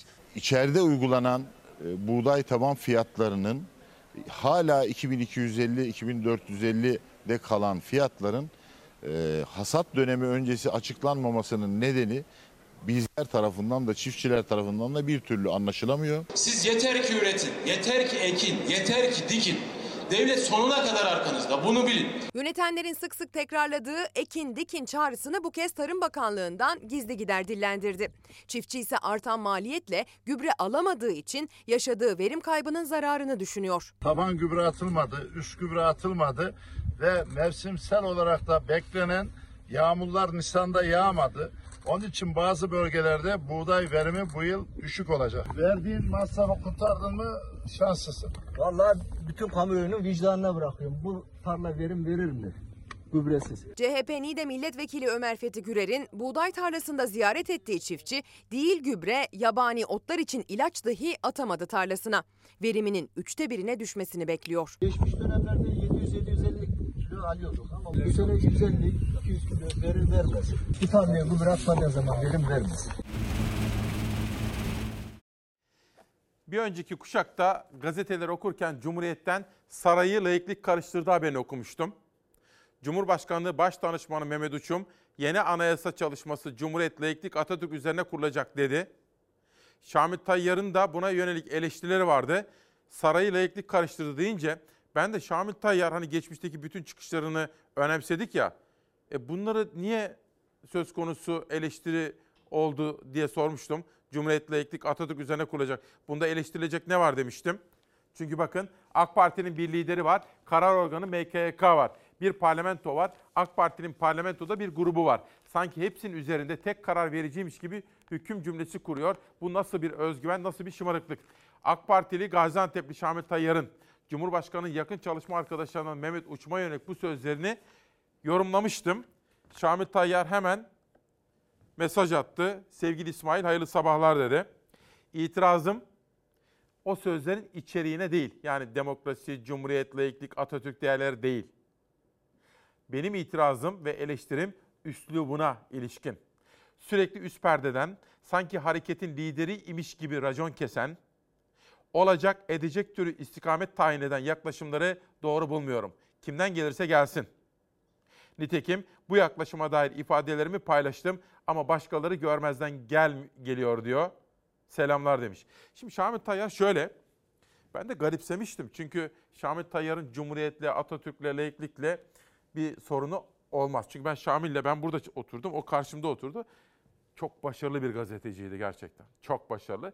Ve böyle hani orucunu da tutar, namazını da kılar ama hiç kimseye karışmaz. Hayata bakışı böyle hani gerçek bir yani laiklik gerçek anlamda nasıl yaşanıyor ve nasıl yaşatılması gerekiyorsa öyle bir tipti. Dolayısıyla ben Şamil Tayyar'ın Cumhuriyet, Atatürk, laiklik gibi kavramlarla sorunu olmadığını bildiğimden yadırgamıştım. Bunu da böylece düzeltme imkanı bulalım efendim. Financial Times gazetesinde, Savaş ver arkaya, bir fotoğraf. Finlandiya Başbakanı.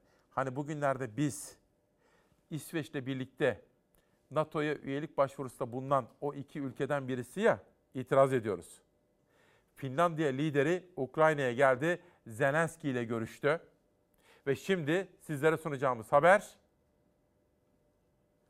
NATO ve Suriye meselesi. Amerika olarak siz bize maalesef parasını verdiğimiz halde vermediğiniz ürünler var. En önemlisi de F-35. Amerika Türkiye'nin proje ortağı olduğu, parçalarını ürettiği, parasını verdiği F-35'leri Yunanistan'a vermek için görüşmelere başladı. F-35 Müşterek Taarruz Uçağı Programı Ofisi heyeti Atina'da Yunan yetkililerle görüştü. F-35 satışı için. F-35 ile ilgili biz Amerika'ya 1 milyar 450 milyon dolar ödeme yaptık. Türkiye'nin hem adalarda hem de Akdeniz'de gerilim yaşadığı Yunanistan Amerika'dan F-35 almak istiyor. Yunan Başbakan Mitsotakis geçtiğimiz hafta Amerika ziyaretinde dile getirmişti. Günler sonra Amerika'dan bir heyet F-35 satışı için Atina'ya gitti. Yunanistan'ın 20 ila 24 adet almak istediği F-35 için görüşme yapıldı. İlk uçağın 2028 yılında teslim edileceği belirtiliyor. Ancak o tarihe kadar Amerika NATO şemsiyesi altında Yunanistan'daki üslerde 10 adet F-35 konuşlandıracak. Güney sınırlarımız boyunca bu operasyonlar başlayacaktır.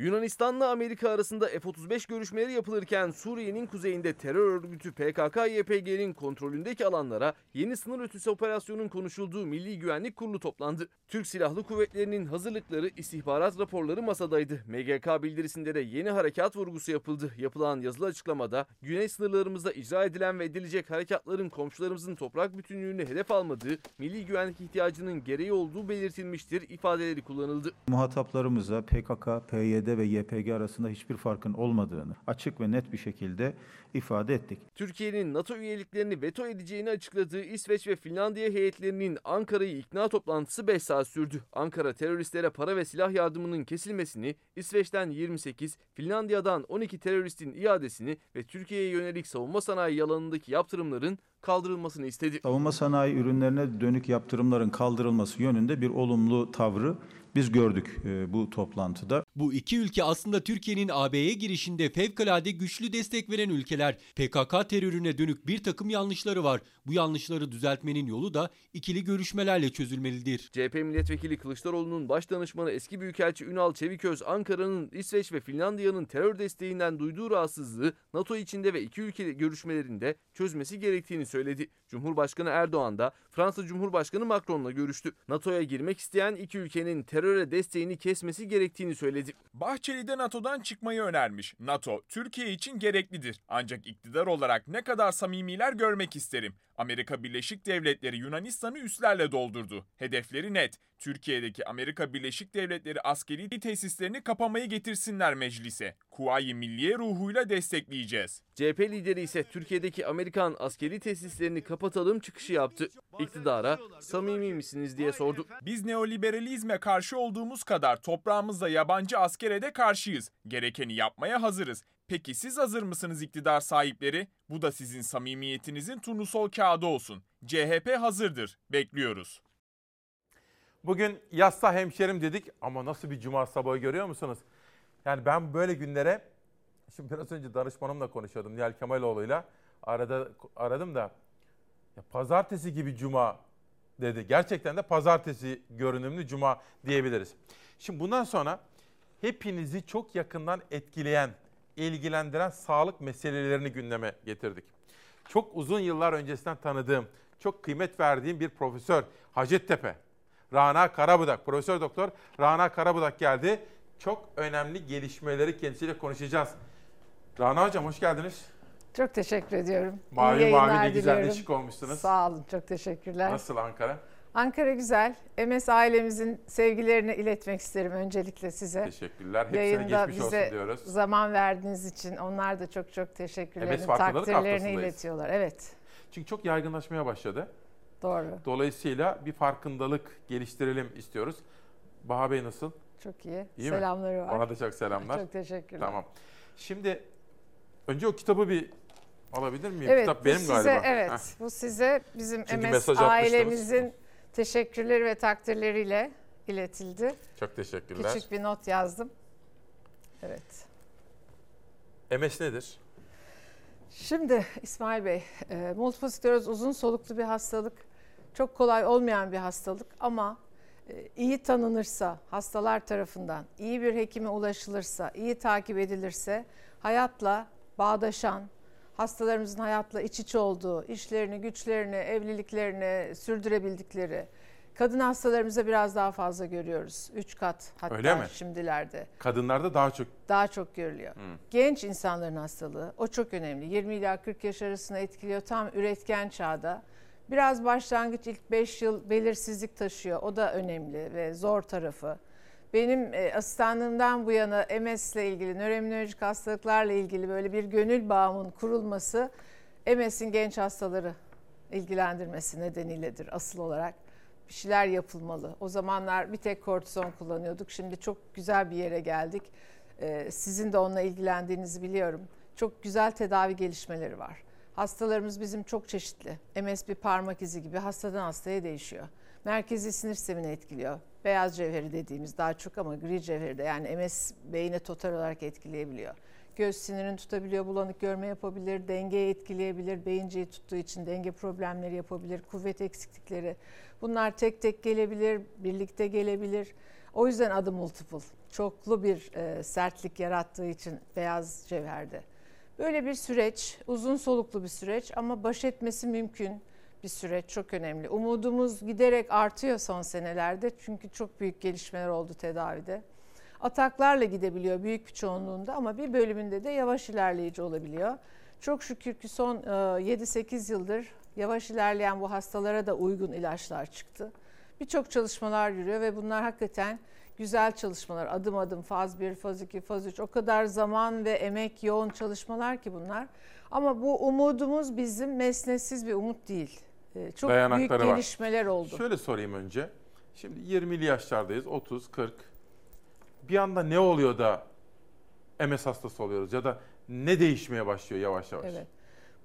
Aslında bir genetik ve nöroimmünolojik süreç. Bağışıklık sisteminde bir yanlış tanıma, bir yanlış algı oluyor. Belki bu çocukluktan ileri gelen bir şey. Bunu bu genetik yatkınlığı, çevresel faktörler, D vitamininden eksik yetişme, D, obezite, giderek hareketsiz olan çocuklarımızı düşünün. Bunlar yatkınlığı artırıyor. Fazla kilo, D vitamini eksikliği. D dediğimiz işte güneş aslında evet, değil mi? Evet. 11'den önce ve 3'ten sonra güneşten yararlanmamız lazım. Saat 11'den önce ve 3'ten 3'ten sonra. Neden? Çünkü o ara dönem çok dik gelen ışınlar çok sıcak oluyor. Sıcak da bizim MS hastalarımızı kötü etkileyebiliyor. Bazı belirtileri mesela yorgunluğu tetikleyebiliyor, artırabiliyor. Dikkat etmeleri lazım. Biz o yüzden hani kaplıcalar vesaire önermeyiz hiç onlara. Serin ortam öneririz. Yazın biraz daha zorlanır hastalarımız. Serin ortamda olmaları gerekiyor. Sonuçta e, bazı önlemler çok önemli. Yaşam tarzı değişikliği çok önemli. Ne gibi? Mesela Akdeniz tipi diyet. Biz Sağlıklı artık, besleneceğiz. Evet, sağlıklı besleneceğiz. Sebze. Hareket edeceğiz, Hmm. sporumuzu düzenli yapacağız. O bizim bir iç disiplinimiz olacak. Çok çok önemli.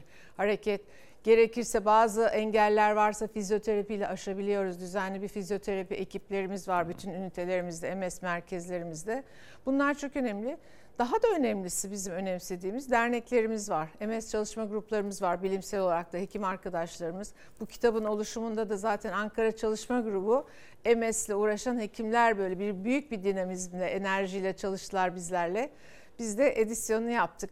Ee, Konuları seçtik ve hastalarımıza ulaştırdık. Profesör Doktor Alev Leventoğlu da Evet, sizle birlikte evet, çalışmış. birlikte edisyonunu yaptık arkadaşımla. O da mı Hacettepe'li? O Ufuk Üniversitesi'nde şu anda. Ee, Siz o da MS'e gönül vermiş. Ben Hacettepe'deyim. tamam. Evet. Dolayısıyla hani bu kitabın da önemi şu. Bir, bir köprü. Ne kadar bilgi e, edinirlerse doğru bilgiyi, internetten değil, Google doktorluğuyla değil, onlar çok yanlış yerlere götürüyor. Hastalarımız daha güçlü olur. Hekiminden öğrenecek, böyle doğru yayınlardan öğrenecek. Biz bu bilgi köprüsünü oluşturmak istedik. Doğru yayınları doğru zamanda hastalarımıza verelim. Kafa karışıklığı olmasın, yanlış bilgilerle donanmasınlar. Şimdi sorumu bir kere daha tekrar etmek istiyorum. Çünkü canlandırmak yani böyle anlamak istiyorum. Şimdi hayatım doğal akışında devam ederken yaşım 20'li, 30'lu, 40'lı yaşlarda. Evet. Hangi tür belirtilerde şüphelenmeliyim Evet. MS'ten? Ya çoklu belirtiler bir arada sunabilir Mesela? hastaya işte denge bozukluğu, kuvvet bozukluğu, kuvvet azlığı bir arada. Öncesinde sorgularsınız. Aa benim bu- bulanık görmem de vardı. Görmeyle ilgili bakarsınız hastaya. O olabilir. Başlangıçta biraz sinsi oluyor. Çok tanımak kolay değil ki. Tanı koymak zor. Yorgunluk olabilir, her türlü uyuşma, yanma, batma gibi bizim duysal, hissel bulgular diyoruz, belirtiler diyoruz. Onlar olabilir. Bunlar hastayı çok zorlayabilir. Mesnetsiz bir yorgunluk. Yani hiç iş yapmadan daha sabah kalktığımda der ki hasta ben saçım bile tarayacak gücü bulamıyorum. Böyle yorgunluklar olabilir. Ee, bunun dışında tabii çift görmeler, e, kol ya da bacak kuvvetsizliği, mesane etkilenebilir, omurilik tutulduğu için o hastayı sosyal olarak zor durumda bırakabilir. Ama bütün bunların çaresi var. Bütün bunların hem belirtilere yönelik tedavisi var hem uzun vadeli. Eğer hasta atak geçiriyorsa atakları azaltmak, seyreltmek, daha hafif geçirmesini sağlamak ya da yavaş ilerleyici gidiyorsa ona yönelik çok şükür bir ilacımız da çıktı. Uzun vadeli tedavilerimiz mümkün. Şimdi değerli izleyenlerime bir bilgi vereceğim. Çok kıymetli Çalar Saat ailesi bu MS hastalığı çok yaygınlaşmaya başladı. Birkaç yıl evvel memleketime gittiğim zaman Simav'dan bir anne gelmişti evladıyla ilgili. Rana Hoca'yı aramıştım. Sonra bizim mesai arkadaşlarımızdan birisinin ablası MS hastası oldu. Sonra bir politikacının eşi öyle oldu. Hep böyle konuşurken MS, MS, MS. Ben bir ay kadar önce de biliyorsunuz kız kardeşimi ziyarete gitmiştim Amerika'ya. Orada kız kardeşim de sağlık alanlarıyla çalışıyor. Bir tane habere dikkatimi çekti. Ben de Rana Hoca'ya gönderdim. Bütün bu saydıklarının dışında bilim dünyası tabii bu hastalıkla çok yoğun bir şekilde uğraşıyor. Bunu çözmeye de çalışıyor. Bir virüsten bahsediyordu o araştırma. İngilizlerin galiba bir araştırmasıydı. Virüslerin de bir etkisi olduğu. Hani bilemediğimiz bir virüs diyorlar değil mi? Evet o... doğru. Bu genetik yatkınlığın üzerine çok çeşitli çevresel faktörler etkileyebilir İsmail Bey. Virüsler bunlardan biri. Sizin sorduğunuz Epstein-Barr virüsüydü. Bizim halk arasında öpücük hastalığı, gençlik evet. gribi diye bilinen hepimizin taşıdığı, karşılaştığı, %90 karşılaşıyoruz bu virüsle. Evet. Ve bu virüslerle bağışık yaşıyoruz biz barışık bir şekilde. Ama bir noktada D vitamini eksikliği bir araya gelir, çevresel faktörler bir araya gelir. Hastanın hani bir şekilde ani zayıflaması olur. Araya başka bir birlikte olabilecek hastalıklar da var tabii. Kanser gibi, işte başka bağdok hastalıkları gibi, araya giren bir zatürre gibi direncin farklı yönde kırılmasıyla bu tip virüsler daha zorlayabilir hastayı patojen hale geçebilir. Hmm. Bağışık yaşıyorken, barışık yaşıyorken. İlerleyen safhalarda ne oluyor? Ama Epstein-Barr'da şöyle bir kafa karışıklığı da olmasın. Science ve Nature gibi çok önemli dergilerde yayınlandı. Şöyle bir izlenim var burada. Yani EBV, Epstein-Barr virüsü MS'i yapıyor değil. Değil. MS'te bir yatkınlık yaratıyor olabilir. Aynı D vitamini gibi, aynı diğer çevresel faktörler gibi. Bu biraz daha yakın duruyor çünkü hepimiz karşılaşıyoruz. Şimdi bu yönde de aşı çalışmaları yürüyor bir taraftan. Bilim dünyası durmuyor. Acaba Epstein-Barr'ı biz çocukluk çağında aşılayarak e, koruyabilirsek MS'in ileriki yaşlarda güzel, genç güzel. insanlarda azaltabilir miyiz gibi çalışılıyor. Evet. Ama hani şöyle bir yanlış anlama yok. Şu virüs yapıyor bu neden yapıyor? Henüz bilmiyoruz.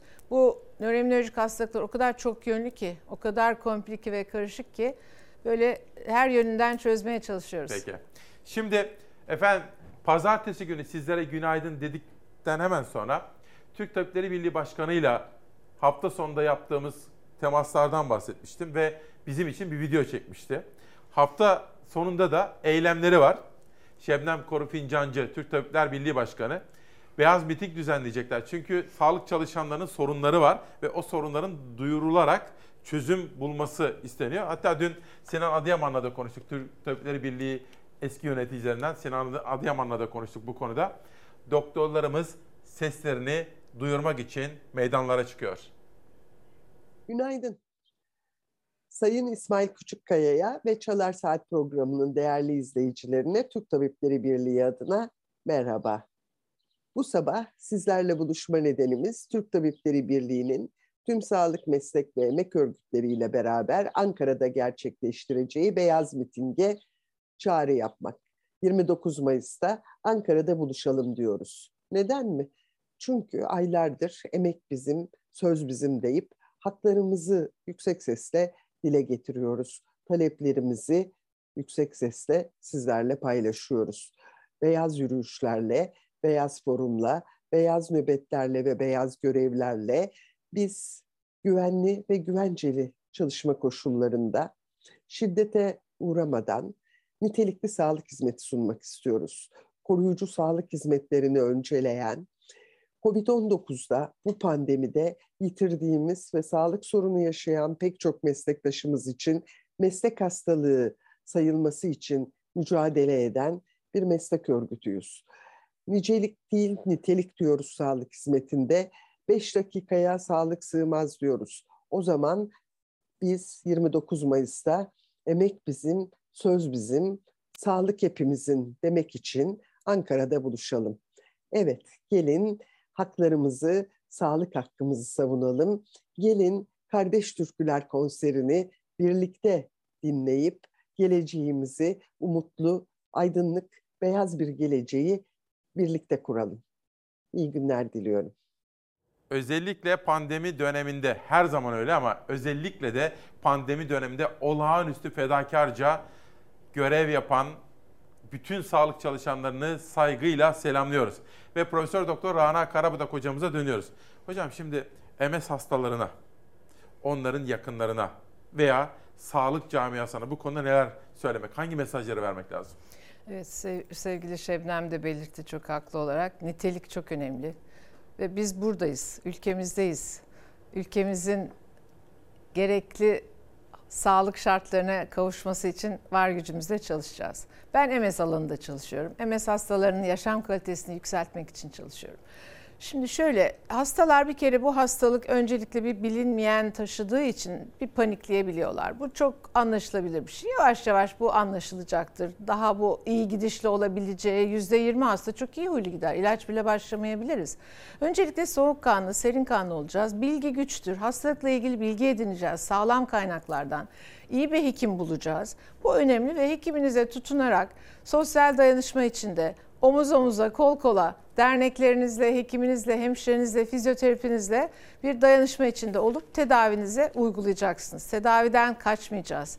Tedavinin gereklerini yerine getireceğiz. Yan etkileri biz çok iyi takip ediyoruz. Bu yan etkileri bildirecekler. Takip çok önemlidir. MS uzun soluklu bir hastalık demiştim. Bunlar çok önemli. Yakınlar için de şunu demek istiyorum. Hastalarımız hayatın içinde olacak. Her yönüyle. Hem zihinsel hem fiziksel işini yapıyorsa işini yapacak, ailesini sürdürecek. Bunlarda bir sorunumuz yok bizim. Böyle dogmalarla artık uğraşmayalım. Bunlar yok. Çok gelişti her şey. Hayatın içinde olalım, düzenli yaşayalım, Akdeniz tipi beslenelim, aile ve sosyal birlikteliklerimize önem taşıyalım, hekimimizle diyalog içinde olalım.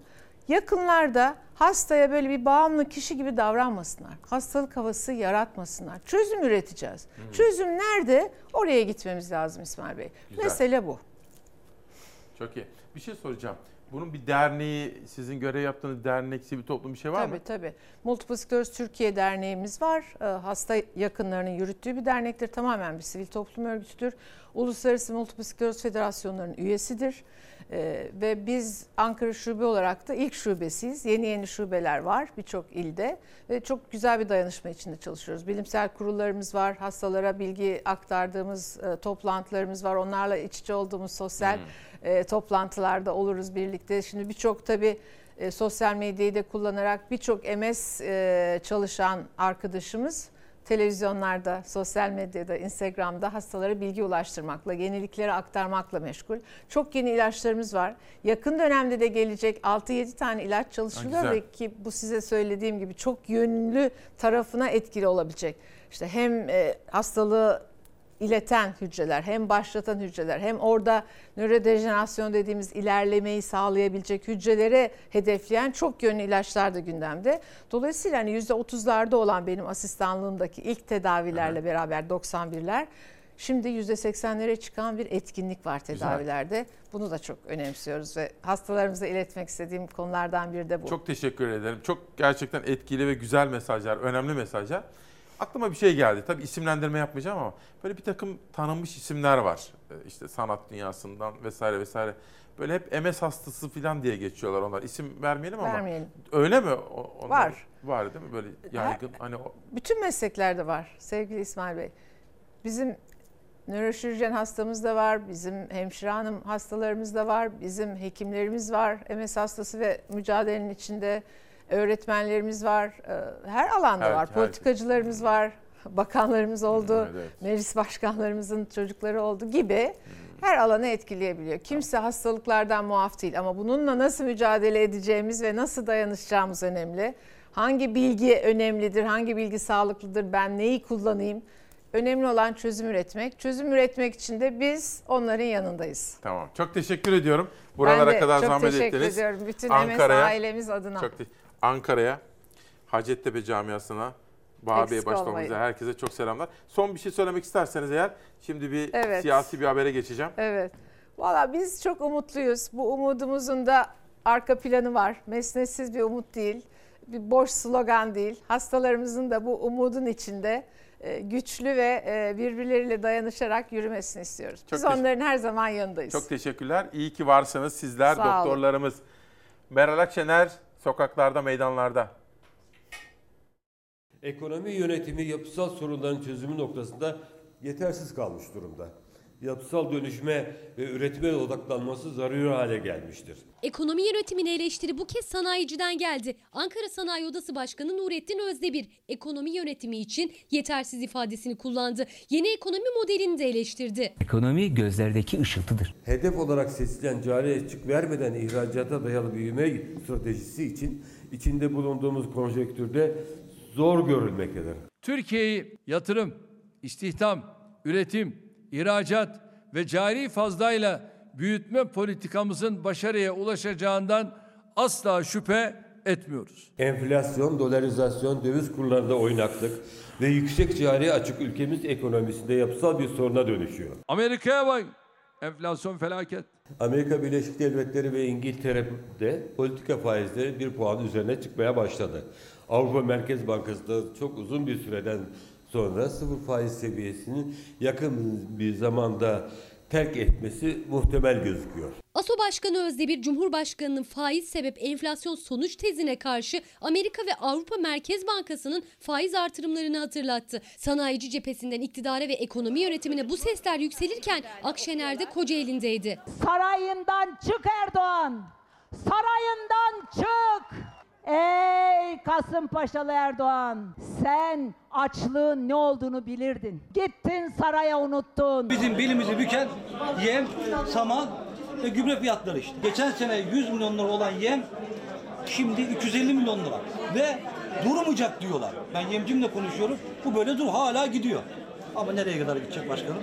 Her geçen günü arar bulunuyoruz. Bir kere enflasyonu düşürmemiz lazım. 8 ay önce 4,5 milyara aldığım kombi şu anda 9,5 milyar. Neredeyse iki katını geçti. Şimdi gençler umutsuz. Ev alamıyor, araba hayali kuramıyor. Peki bunun sorumlusu kim? Bu ülkeyi yönetenler.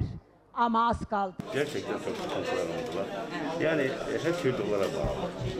Bugün 300 liraya taktığım ekranı akşam müşteriye 400 lira demek zorunda kalıyor. Akşener esnaf gezdi, vatandaşı dinledi. Benim üniversiteyi bitiren torunum 3 sene boş gezdi. Ama AK Partili olanlar hemen giriyor. işe girmek istedim.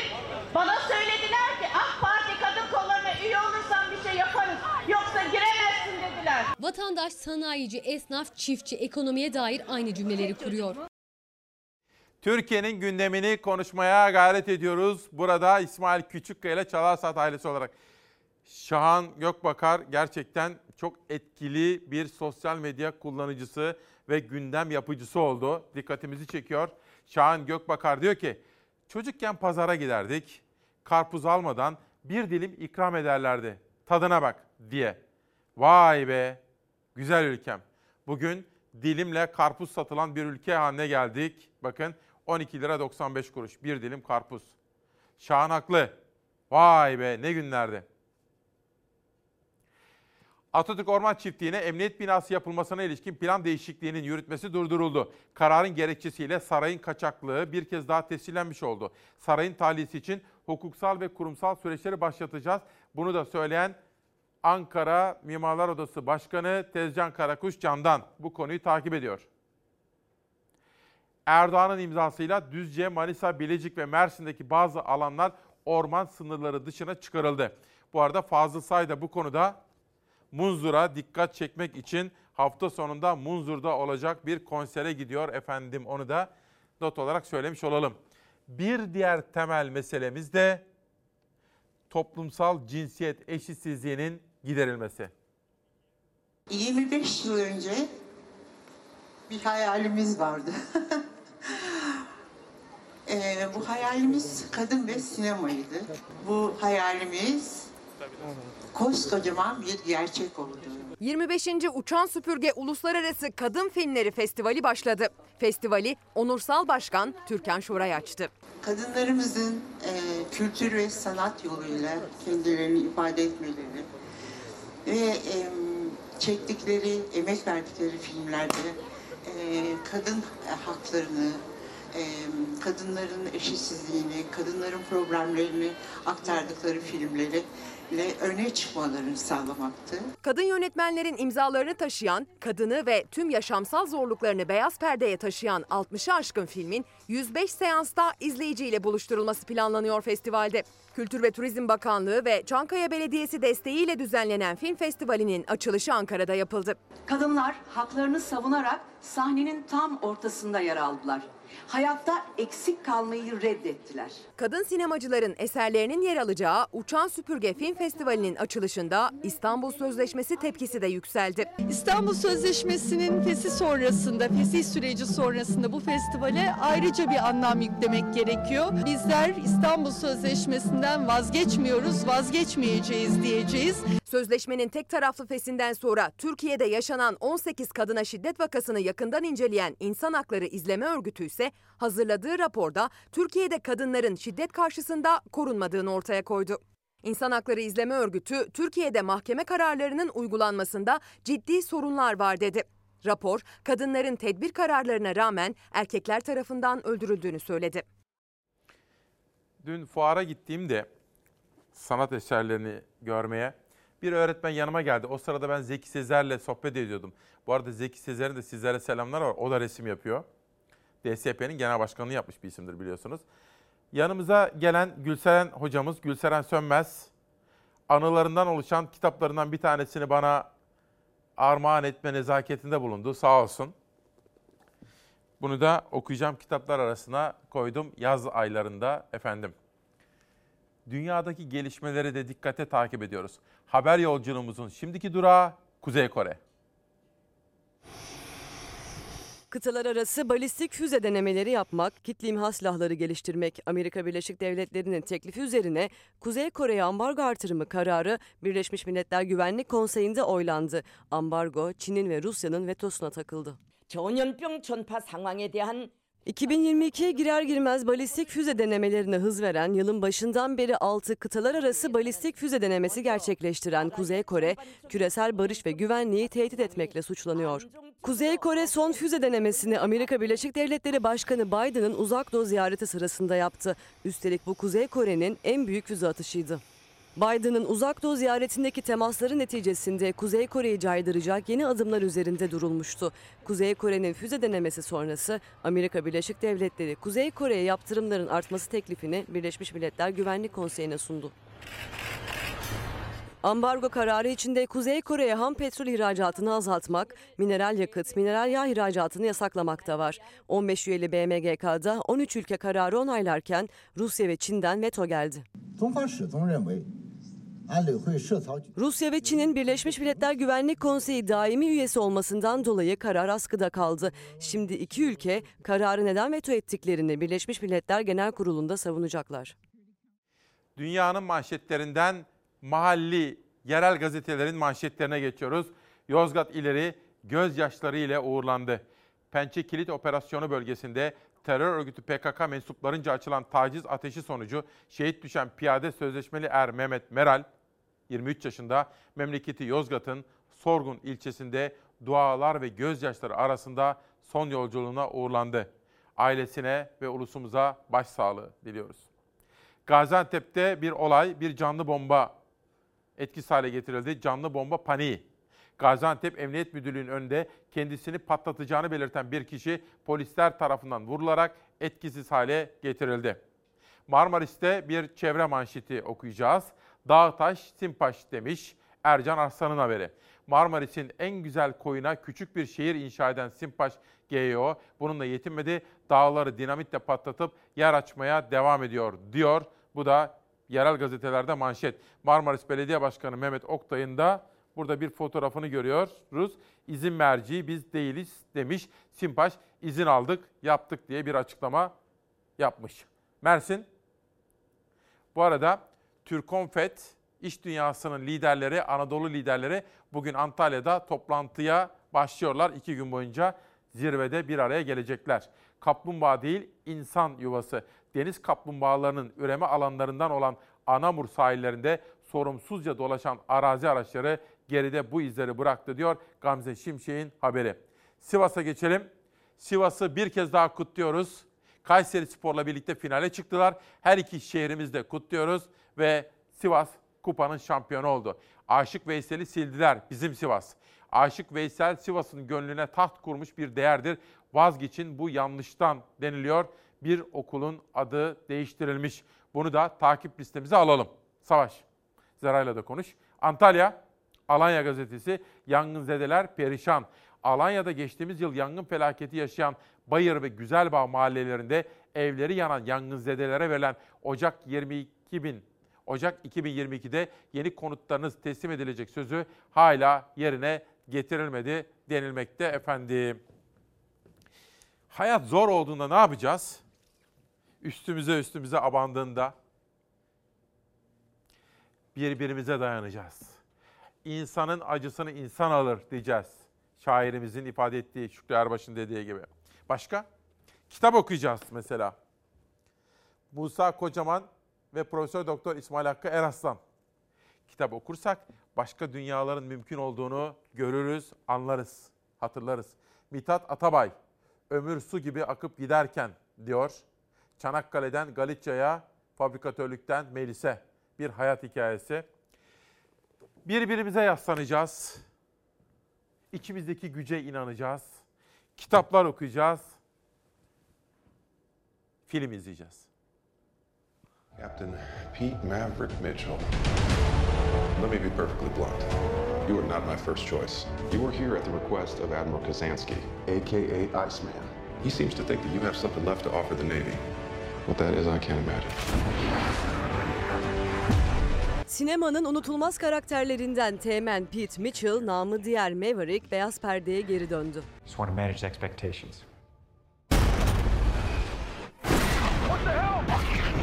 Good morning, aviators. This is your captain speaking. Hafızalara kazınan Top Gun sinema severleri nostalji yolculuğuna çıkarmakla kalmayacak. Artan aksiyon sahneleriyle de heyecanlı anlar yaşatacak. Those are your pilots. Anything happens to them. Top Gun Maverick'te donanmanın en iyi pilotu Pete Mitchell, 30 yıllık hizmetten sonra Top Gun mezunlarının yer aldığı yeni müfrezeyi özel bir görev için eğitmekle sorumlu.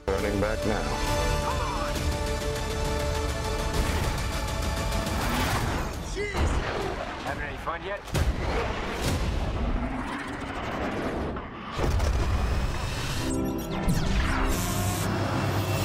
Dijital Suçlar Ceza Evinize hoş geldin. Emre Kavuk tarafından yönetilen, geçtiğimiz yıl hayatını kaybeden oyuncu Rasim Öztekin'in oynadığı son film olan Dijital Esaret bu hafta vizyondaki yerini alıyor. Aslında benim de burada olmamam lazım. Benim Barcelona'da bahçıvanlık yapmam lazım ama antrenörle anlaşamadım. Neredeyse 12 saattir internetsizim. Sadece 3 kişi kurtulacak burada. Ahmet Melih Yılmaz'ın başrolünde yer aldığı İçimdeki Kahraman da vizyona giren diğer filmler arasında. Film, içindeki kahramanı ortaya çıkarmak isteyen bir gencin hikayesine odaklanıyor. Yeni bir süper kahramanımız var. Onu komşuya rezil edecek bizi gözlüğüne tükürdüm. Tanıdım seni. He? Olsun sen o. Kim? Kahraman. Da ist eine Fliege. Yollarını ayırmak üzere olan iki ev arkadaşının hikayesi İsviçre yapımı Örümcek ve Kız bu hafta Beyaz Perde'de. Sie würde mich ständig mit anderen Männern vergleichen. Sich fragen, ob ich es wert bin. İşte bu Abe. Beklenen an geldi. Başarının üç anahtarını unutma. Animasyon türündeki Hooper ve Çılgın Çetesi Büyük Macera da vizyona girerek hem ebeveynler hem de çocuklar için bu hafta keyifli anlar vaat ediyor. İşte bu. Başlıyoruz. Sıkı tutun. Biraz daha uzun bir halat getiremez miydim? Bu hafta benim için her zamankinden bir parça daha zor geçti. Çünkü Ali Ekber Ertürk'ü de kaybettiğimiz bir hafta oldu efendim. Acımız büyük, inanmakta güçlük çektiğim bir kayıptır. 54 yaşında gerçek bir gazeteciyi kaybettik. Biraz evvel de bir bilim insanına ilişkin kayıp haberini aldım. Deprem uzmanı Profesör Doktor Oğuz Gündoğdu vefat etti. Bizleri deprem tehlikesi karşısında her zaman bilgilendirmeye, uyarmaya ve aydınlatmaya çalışan Oğuz Gündoğdu hocamız da bu dünyadan göçüp gitti efendim. Ona da Allah'tan rahmet diliyoruz. Hafta sonunda İstanbul'da olanlar veya yolu İstanbul'a düşenler fuara gitsinler. Çağdaş, orada eserler var. Tabii okullarımız çağdaş bir hayat için Fevziye Işık kendilerinin bazı projelerine destek vereceğim. Yöneticileriyle karşılaştım fuarda.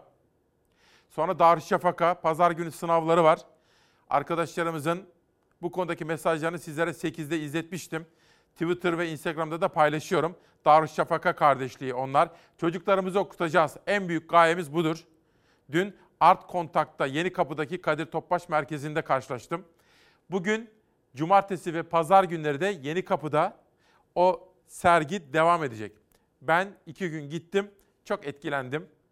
Bakın Bilgin Bey'e teşekkür ediyorum. Tepe başında tanışmıştım. Organizasyonda o var ve Ertuğrul Ateş gibi çok kıymetli sanatçılarımız isimlerini tek tek söyleyemesem de bana gücenmesinler. Dilim döndüğü kadar, zamanım yettiği kadar. Bakın Zeki Sezer, ben onun resim yaptığını doğrusu bilmiyordum. Halime Türk Yılmaz eserleri, Zeki Sezer eserleri. Gafur Uzuner geliyor şimdi. Sonra Hüseyin Yıldırım hocamız eserleri.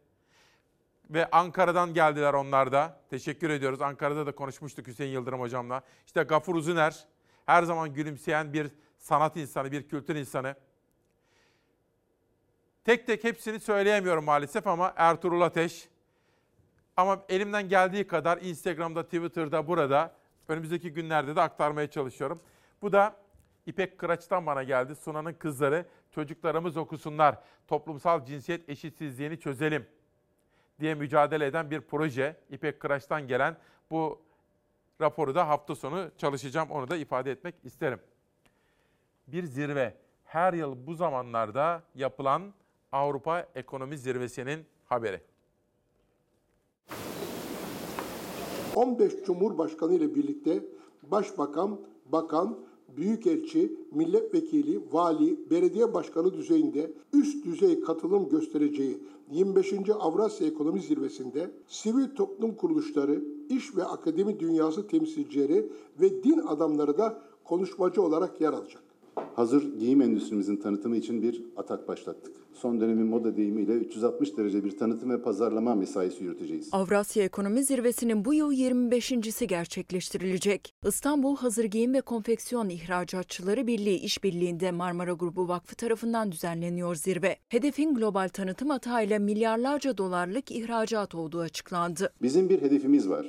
Biz orta vadede ihracatımızın 40 milyar dolara çıkarmak istiyoruz. Bu yıl içinde 23 milyar dolarlık bir hedef koyduk. Türk moda sektörü bu görevleri başarıyla yerine getirmekte ve geliştirmektedir. 40 aşkın ülkeden siyasetçi, diplomat, akademisyen ve iş insanı katılacak. 25. Avrasya Ekonomi Zirvesi bu yılda çok ses getirecek. Avrasya Ekonomi Zirvesi sadece küresel sorunların konuşup çözüm önermiyor.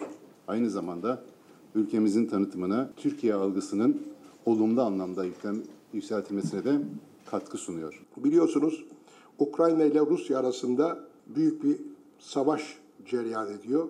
Zirvemizde hem Ukrayna hem de Rusya hazır olacaklar. Aynı oturumda olacaklar. Aynı oturumda tezlerini savunacaklar. Savaş halindeki Rusya ve Ukrayna'dan temsilcilerin de katılacağı Avrasya Ekonomi Zirvesi için geri sayım başladı. Zirve 7-8-9 Haziran tarihlerinde İstanbul'da gerçekleştirilecek. Biz bir hakem gibi iki tarafı da dinleyeceğiz. Kendi öz fikrimizden çok onların fikirlerini saygıyla takip edeceğiz. Şimdi bir dize Hilmi Yavuz'dan, kapanışa da Hilmi Yavuz'un kendi sesinden bir sürpriz. Başında bekledin acının.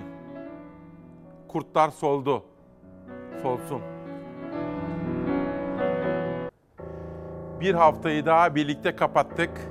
Hafta sonunda Ezgi Gözeger Çalarsat hafta sonunda sizlerle birlikte olacak. Ona ve ekip arkadaşlarıma kolaylıklar diliyorum. Ben hafta sonunda sürpriz bir yerde olacağım. Pazartesi anlatırım.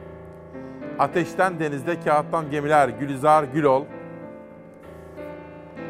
Cumhur Utku'nun kitabı Mustafa Muğlalı. Ali İpek gidelim buralardan muhlis diyor. Yaşlı Kaya yeni çıkan kitaplar çocuklarımız için ve Hilmi Yavuz dizesi geliyor. Sonunda da bir Hilmi Yavuz sürprizi. Şairim, geceleri hüzünler giydirildim. Giydirildim ve dirildim.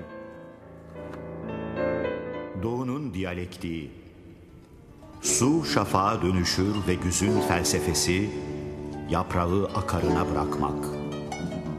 Günün yaşmanı örtünür ve bir tekke nefesi gibi usulca acılanır toprak.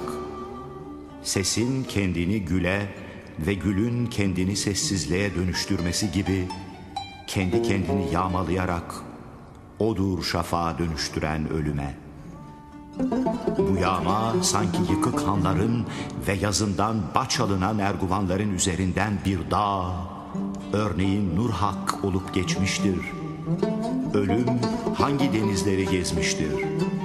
Bilinir ama mutlak, bir büyük hasrete kolan vurarak çıkar kalbimin önüne.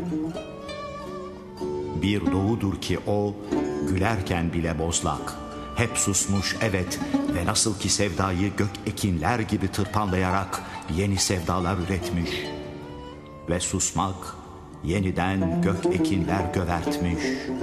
Gövertecek de gurbeti sılaya bağlayarak. Su şafağa dönüşür ve güzün felsefesi yaprağı akarına bırakmak.